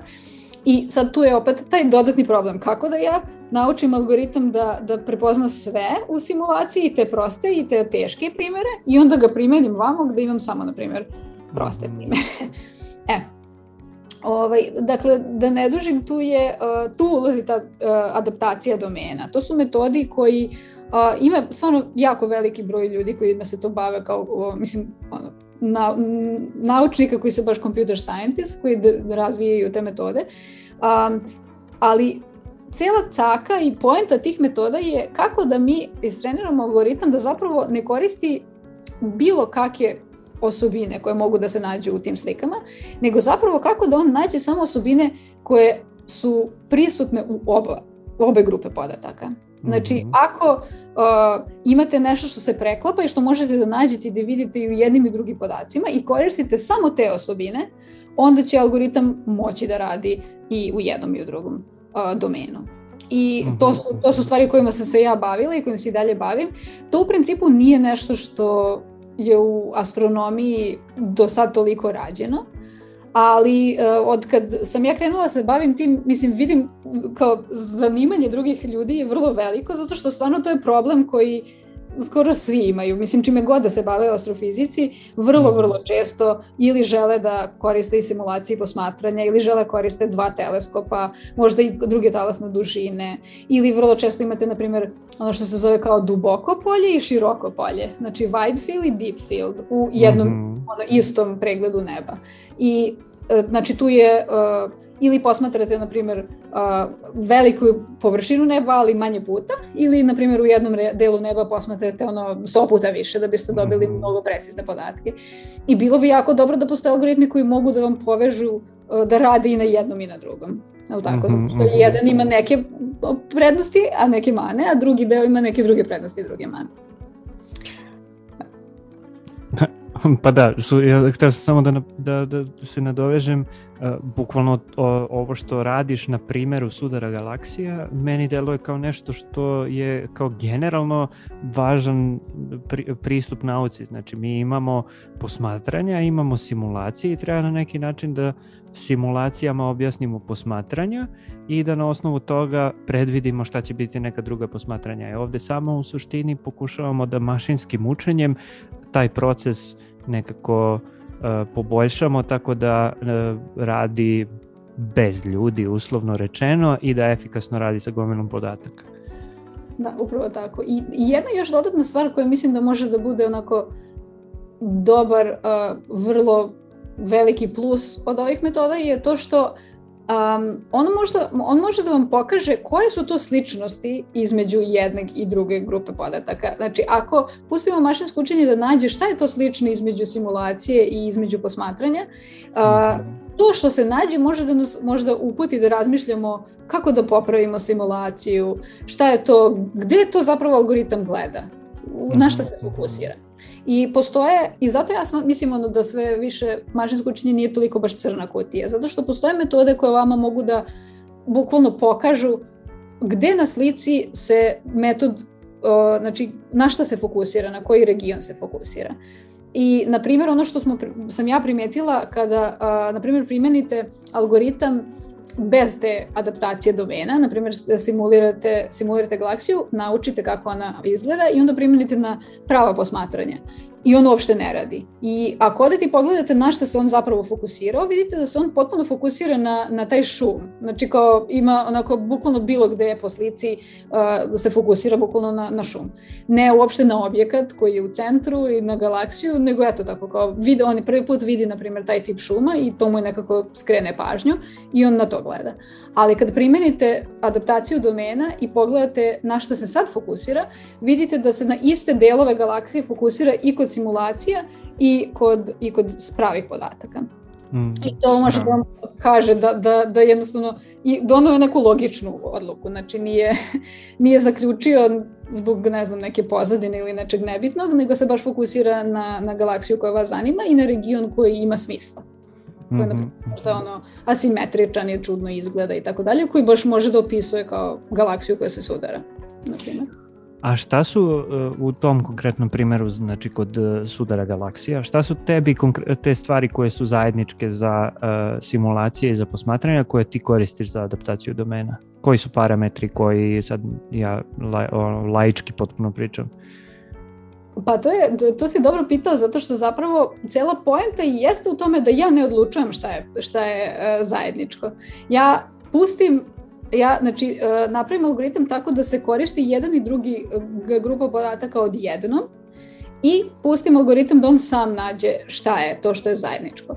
Pošto su to uh, ono u tom latentnom multidimenzionalnom prostoru uh, ovaj uh, algoritma, uh, a, te osobine nisu nešto što kao ja mogu sad direktno da ti objasnim. Ono što ja mogu da pogledam je baš bukvalno to da vidim gde se fokusira ili... Kako je to manifestacija na ovome što su podaci koje mi vidimo, da, da, da. Tako I? Je, tako je. I ono što, na primjer, što smo primetili je uh, da uh, ako imate um, objekat koji jeste sudar galaksije, a, metod se uglavnom fokusira, ovako napravi kao jedan prsten oko galaksije, znači fokusira se na te kao periferne regione galaksije koji su možda manje vidljivi i u kojima vrlo često možete to da nađete neke ono repove i e, čudne onako formacije koje su zbog gravitacije te druge galaksije se desile i stvorile. A s druge strane, ako imate sliku koja je, uh, koja je samo ono, obična galaksija mirna, koja se ne sudara, u takvoj situacijama svaki put se uh, fokusira baš na centar slike i na, na centar galaksije i gleda onako mirno tu jednu galaksiju. I mm -hmm. samo kad to pogledate, vrlo jasno možete da vidite i da znate šta će biti odluka na kraju tog algoritma, da li je to sudar ili je to obična mirna galaksija. Mm -hmm. Znači, e sad, on je... Da. On je u suštini na osnovu svih tih podataka uh, kako smo personalizovali, humanizovali algoritam.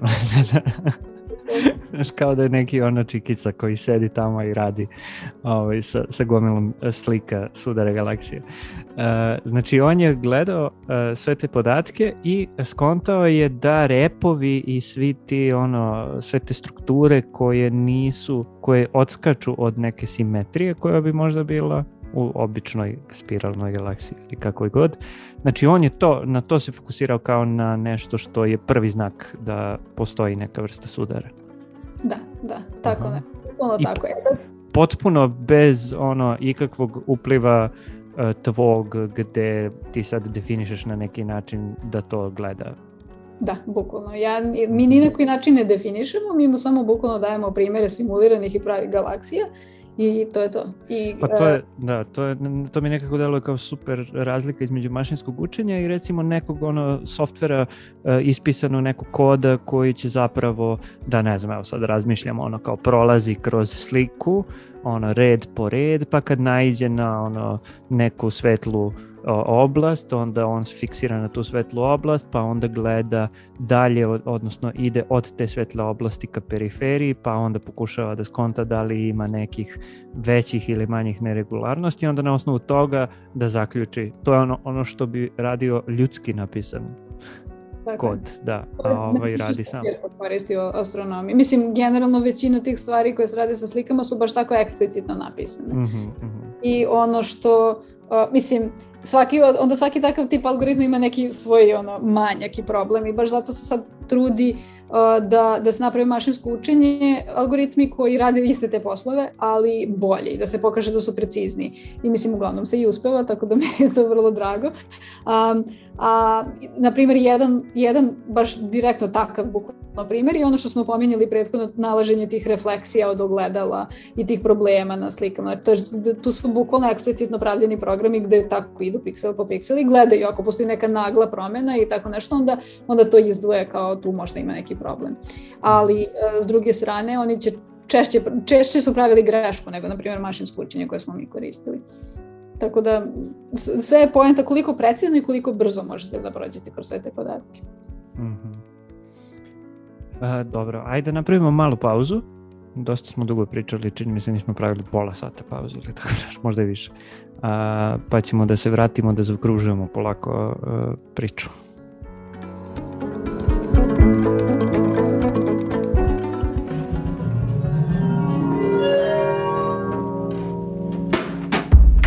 set is gone and the rug it was on is still here screaming at me. Why did you take it all away? Why did you take it all away? And the dialing of the phone is no longer fun since you've been done with me and you don't wanna talk with me at all. Why'd you take it all away? I did nothing wrong. I don't believe it. I don't believe it. I don't believe your reasoning. Now I understand you're a human and you got to lie, you're a man and you got to get what you want, how you want it, but so do I, I wanted to try. Why did you not want to try? Why did you take it all away? Why did you not want to try? Why did you take it all away? Why did you not want to try? Why did you take it all away? Why did you not want to try? Why did you take it all away?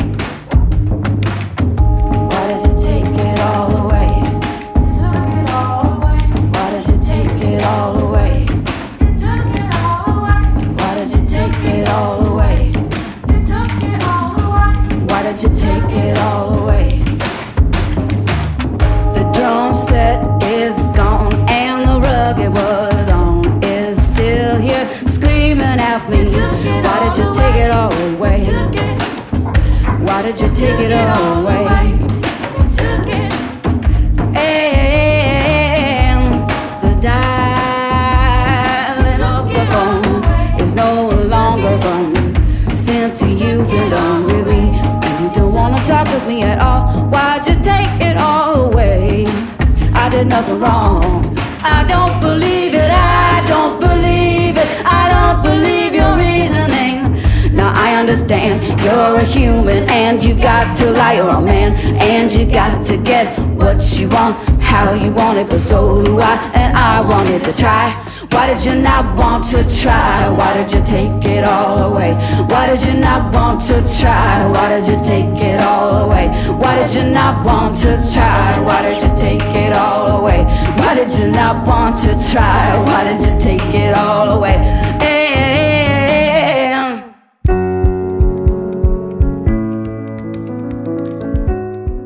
I evo nas nazad, e, treba da zaokružujemo celu priču, teško je zaokružiti stvarno ovoliko e, stvari, e, a mi nismo pomenuli možda ni, ni 10% toga šta sve može da bude zanimljivo i da se radi, ali mislim da smo makar inspirisali ljude da malo više čitaju koga zanima zapravo i da krenu možda i da se bave ovim stvarima ako su u nekom bliskom polju i tako dalje.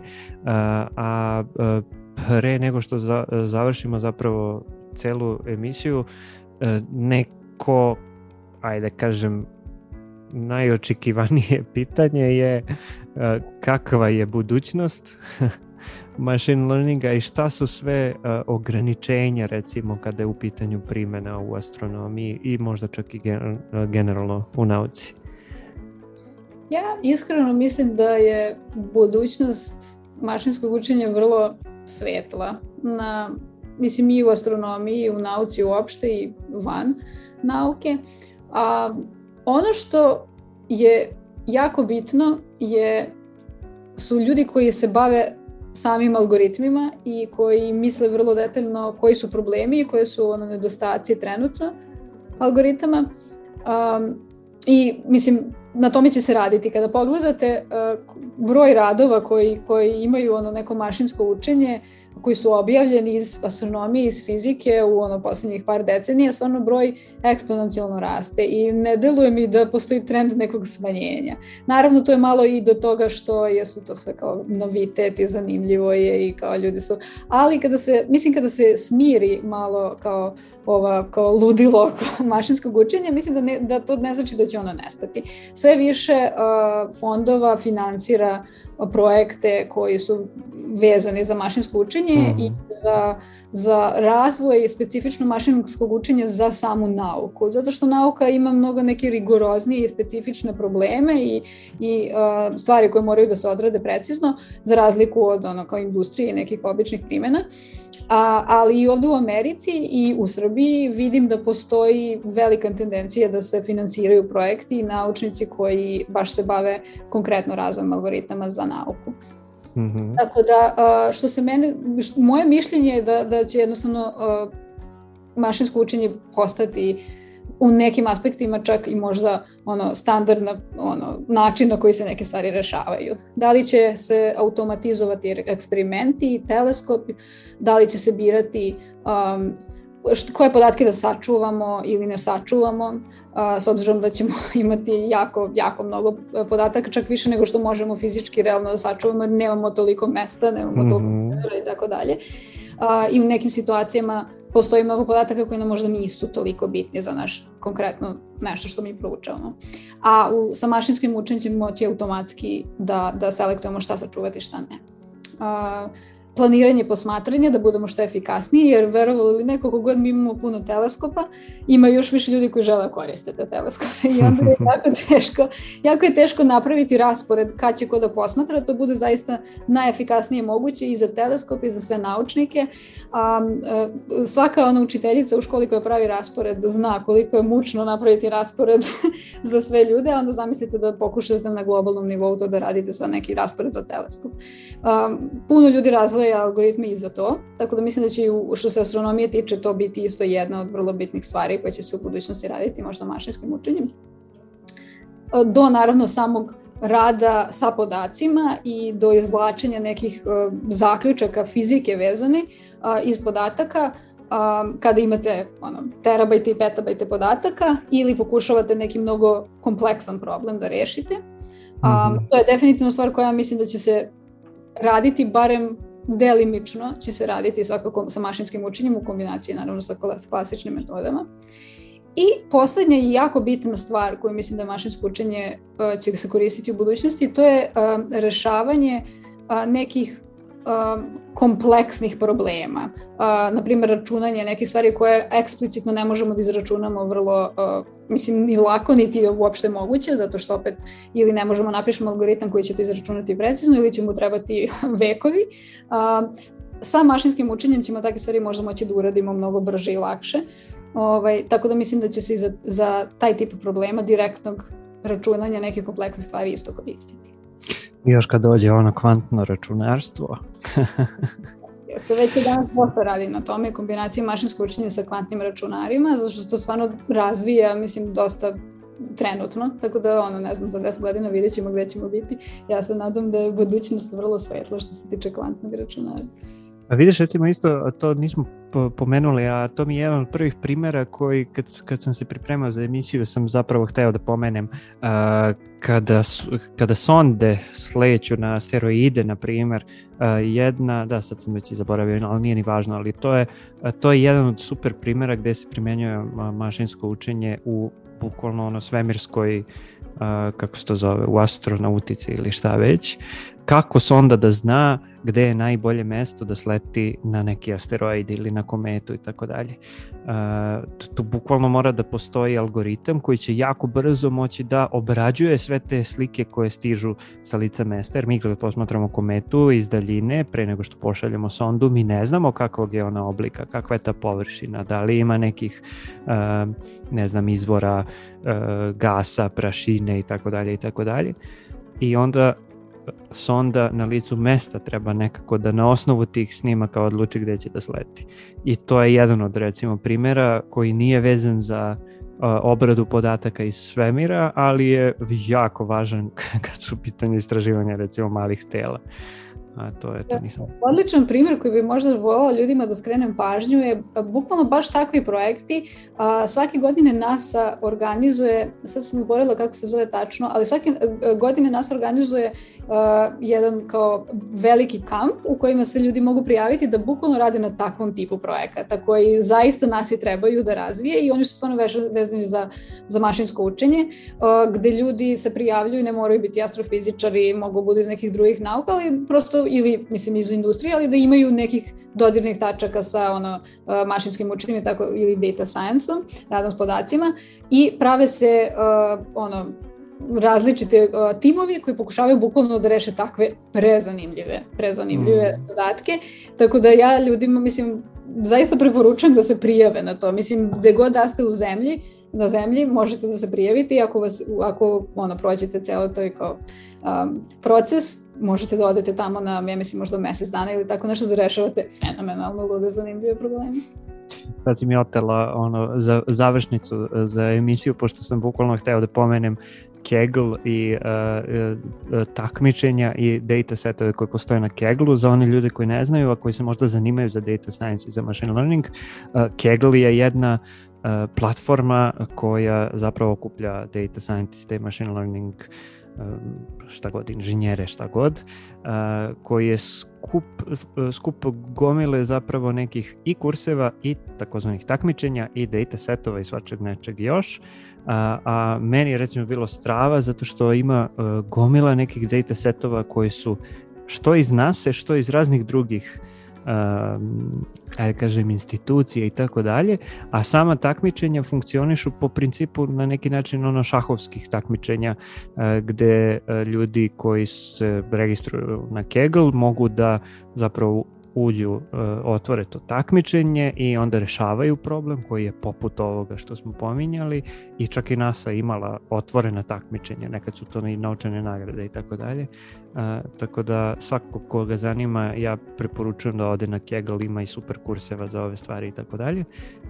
A šta ti preporučuješ ljudima koji bi recimo voleli da se malo više bave machine learningom u astronomiji i sličnim temama? Ti si sama u stvari uh, došla potpuno iz astronomije, nisi se bavila nikakvim inženjerstvom pre toga.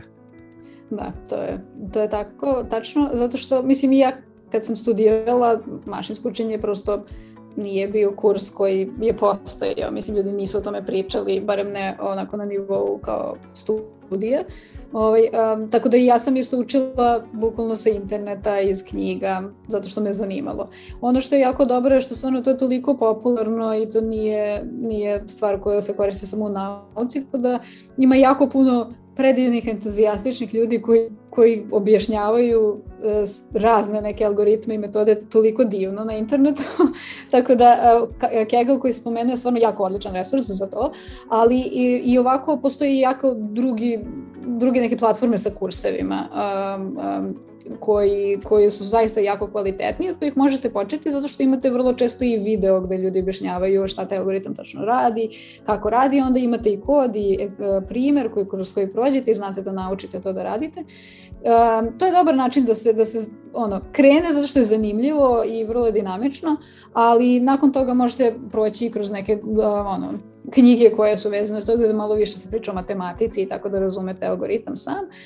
Um, na internetu ima jako puno resursa i vrlo je prosto po meni da se krene uh, i vrlo je ono, kad, kad krenete, otvorite ta vrata stvarno na sve strane, ima svačega. Uh, ono što je dobro da ljudi znaju je da mašinsko učenje je nešto za što vam ne, U principu treba malo jači kompjuter, zato što vam treba da možete, ako na primjer radite sa slikama, da možete da, da, da radite sa velikom količinom podataka, ali Uh, to ne treba da vas ograničava zato što postoje stvari kao uh, što su uh, Google Colab, na primjer, um, i Kaggle između ostalog, gde vi možete da, da vaš program pišete i puštate na, na Googleovim mašinama koje su mnogo jače i mnogo bolje. Uh, i samim tim možete da trenirate neuronske mreže, iako možda vi sami lokalno naravno nemate, mislim, uopšte takav kompjuter.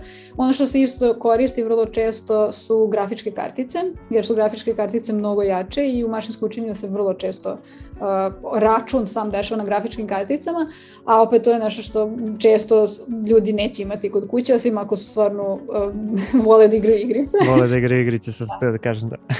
Colab, Colab i Kaggle vam, na primjer, daju mogućnost da puštate stvari na grafičkim karticama koje nisu vaše besplatno, tako da to je stvarno zaista fenomenalno. Ili ako vam baš zatreba nešto, nije toliko ni skupo da se plati, da? Da, definitivno. Ali za neke osnovnije stvari zaista Uh, posebno za ljude koji uče, sve što je na, na besplatnom nivou na internetu je više mm. nego dovoljno. Tek kad krenete neke ozbiljnije stvari koje ili stvarno imaju ekstremno velič, veliku količinu podataka ili je mnogo kompleksan algoritam, onda ćete možda morati nešto da platite. Ali ni to nije, nije nešto super nepristupačno. Mm. Aj za kraj jedno lično pitanje. Šta je tebi bilo najzanimljivije i najteže kad si recimo u, ulazila u ove vode machine learninga u astronomiji?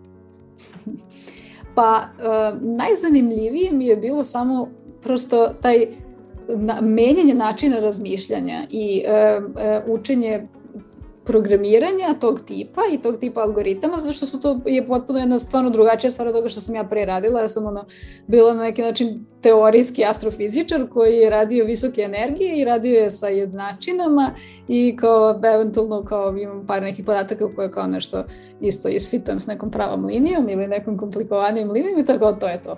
Tako da e, sam taj kao način razmišljanja mi je potpuno bio zanimljiv i učenje algoritama. A, a najteže mi je bilo da shvatim, ali nije to toliko problematično, da shvatim a, šta su sve bitne stvari koje morate da, da znate i o kojima da mislite da biste kada završite vaš projekat i dobijete rezultate, bilo sigurni da su to dobri rezultati. Mm. Jer nažalost ima jako puno nekih tiko sitnica koje, koje moraju da se nauči, da se shvate posebno danas kad imate na internetu, što smo rekli, jako puno tih nekih tutoriala i tako dalje i vrlo lako vi možete, u sad ću ja da uzmem svoje slike, ubacim u taj algoritam koji imam primer i dobijem neke rezultate i sve to super. A u stvari uopšte ne znate uh, da li može bolje od toga, da li on postoji, ima neki problem, da li je nešto naučio previše dobro i tako dalje na bubo napad. Ili potpuno pogrešno. Da. Ili potpuno pogrešno. I to je, to je, to je najveći problem i najbitnije da se nauči. Ali to, a posebno danas, uh, ako čitate malo više i ako mislite, ako imate projekat koji zaista želite završiti, koji vam je bitan da završite dobro, kroz taj, to, te projekte ćete shvatiti šta je sve bitno. Um, dok ne znate, sve ide dosta sporo i tako malo ono, pokušavate ovo, pokušavate ono, ali onda u nekom trenutku shvatite ka, koje su najbitnije stvari i onda se postaje stvar mnogo efikasnije znaš šta, i sve veći broj ljudi koji zapravo možeš da pitaš, tako da.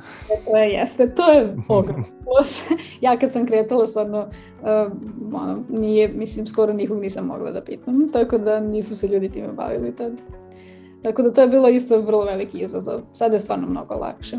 Mislim, i ljude jako puno zanima. Ja sad radim ovde sa dosta studenta. Studenti sami dolaze, mislim, zanima ih, žele da nauče, njima je to zanimljivo. Tako da, ono, moja sad misija je da ih naučim kako da razmišljaju. kako da, ne samo kao da nauče to da kao isprogramiraju, pošto to stvarno nije toliko problematično, ali je mnogo, mnogo bitnije, posebno ako ste naučnik, da, da vrlo dobro razumete šta radite koji na kraju s drugim algoritmima. Ovo je samo nova, nova metoda koju volim. Ovo ću sada ostavim i neću ništa da dodajem, pošto mislim da je super završetak. Bilo mi je veliko uživanje da častam s tobom. I meni, hvala ti, znači izdvojila si ono uh, u nedelju dva sata popodne da pričamo o, o mašinskom učenju u astronomiji, to je stvarno baš big deal ja volim da pričam o mašinskom učenju, tako da mi je zaista bilo uživanje. E, ništa, e, čućemo se, nadam se sledeći put uživo i nadam se ne tek za onih 10 godina što si pomenula na početku kad si rekla vidjet ćemo šta će za 10 godina da bude. E, biće, biće definitivno, svakako mnogo brže nego 10 godina. Jeste, nam se da će sledeći put stvarno biti uživo. E, ništa, hvala ti još jednom uh, iskoristi lepo još taj ostatak dana, a, a mi se čujemo. Hvala tebi puno na pozivu, bilo je divno. A, a svim ostalim slušalcima Radio Galaksije, uh, eto, samo na kraju ona klasična odjava, pratite nas, slušajte nas, sve epizode imate na uh, Mixcloudu i na svim ostalim platformama za slušanje uh, podcasta. Ako želite da nas podržite, to možete da uradite preko Patreona ili nam se javite samo ako imate neku potpuno drugačiju ideju za podršku ili neku ideju ili neku kritiku ili pohvalu ili komentar, šta god. Uh, kontakt at radiogalaksija.rs je tu. Uh, čujemo se sledeće nedelje sa nekom novom temom.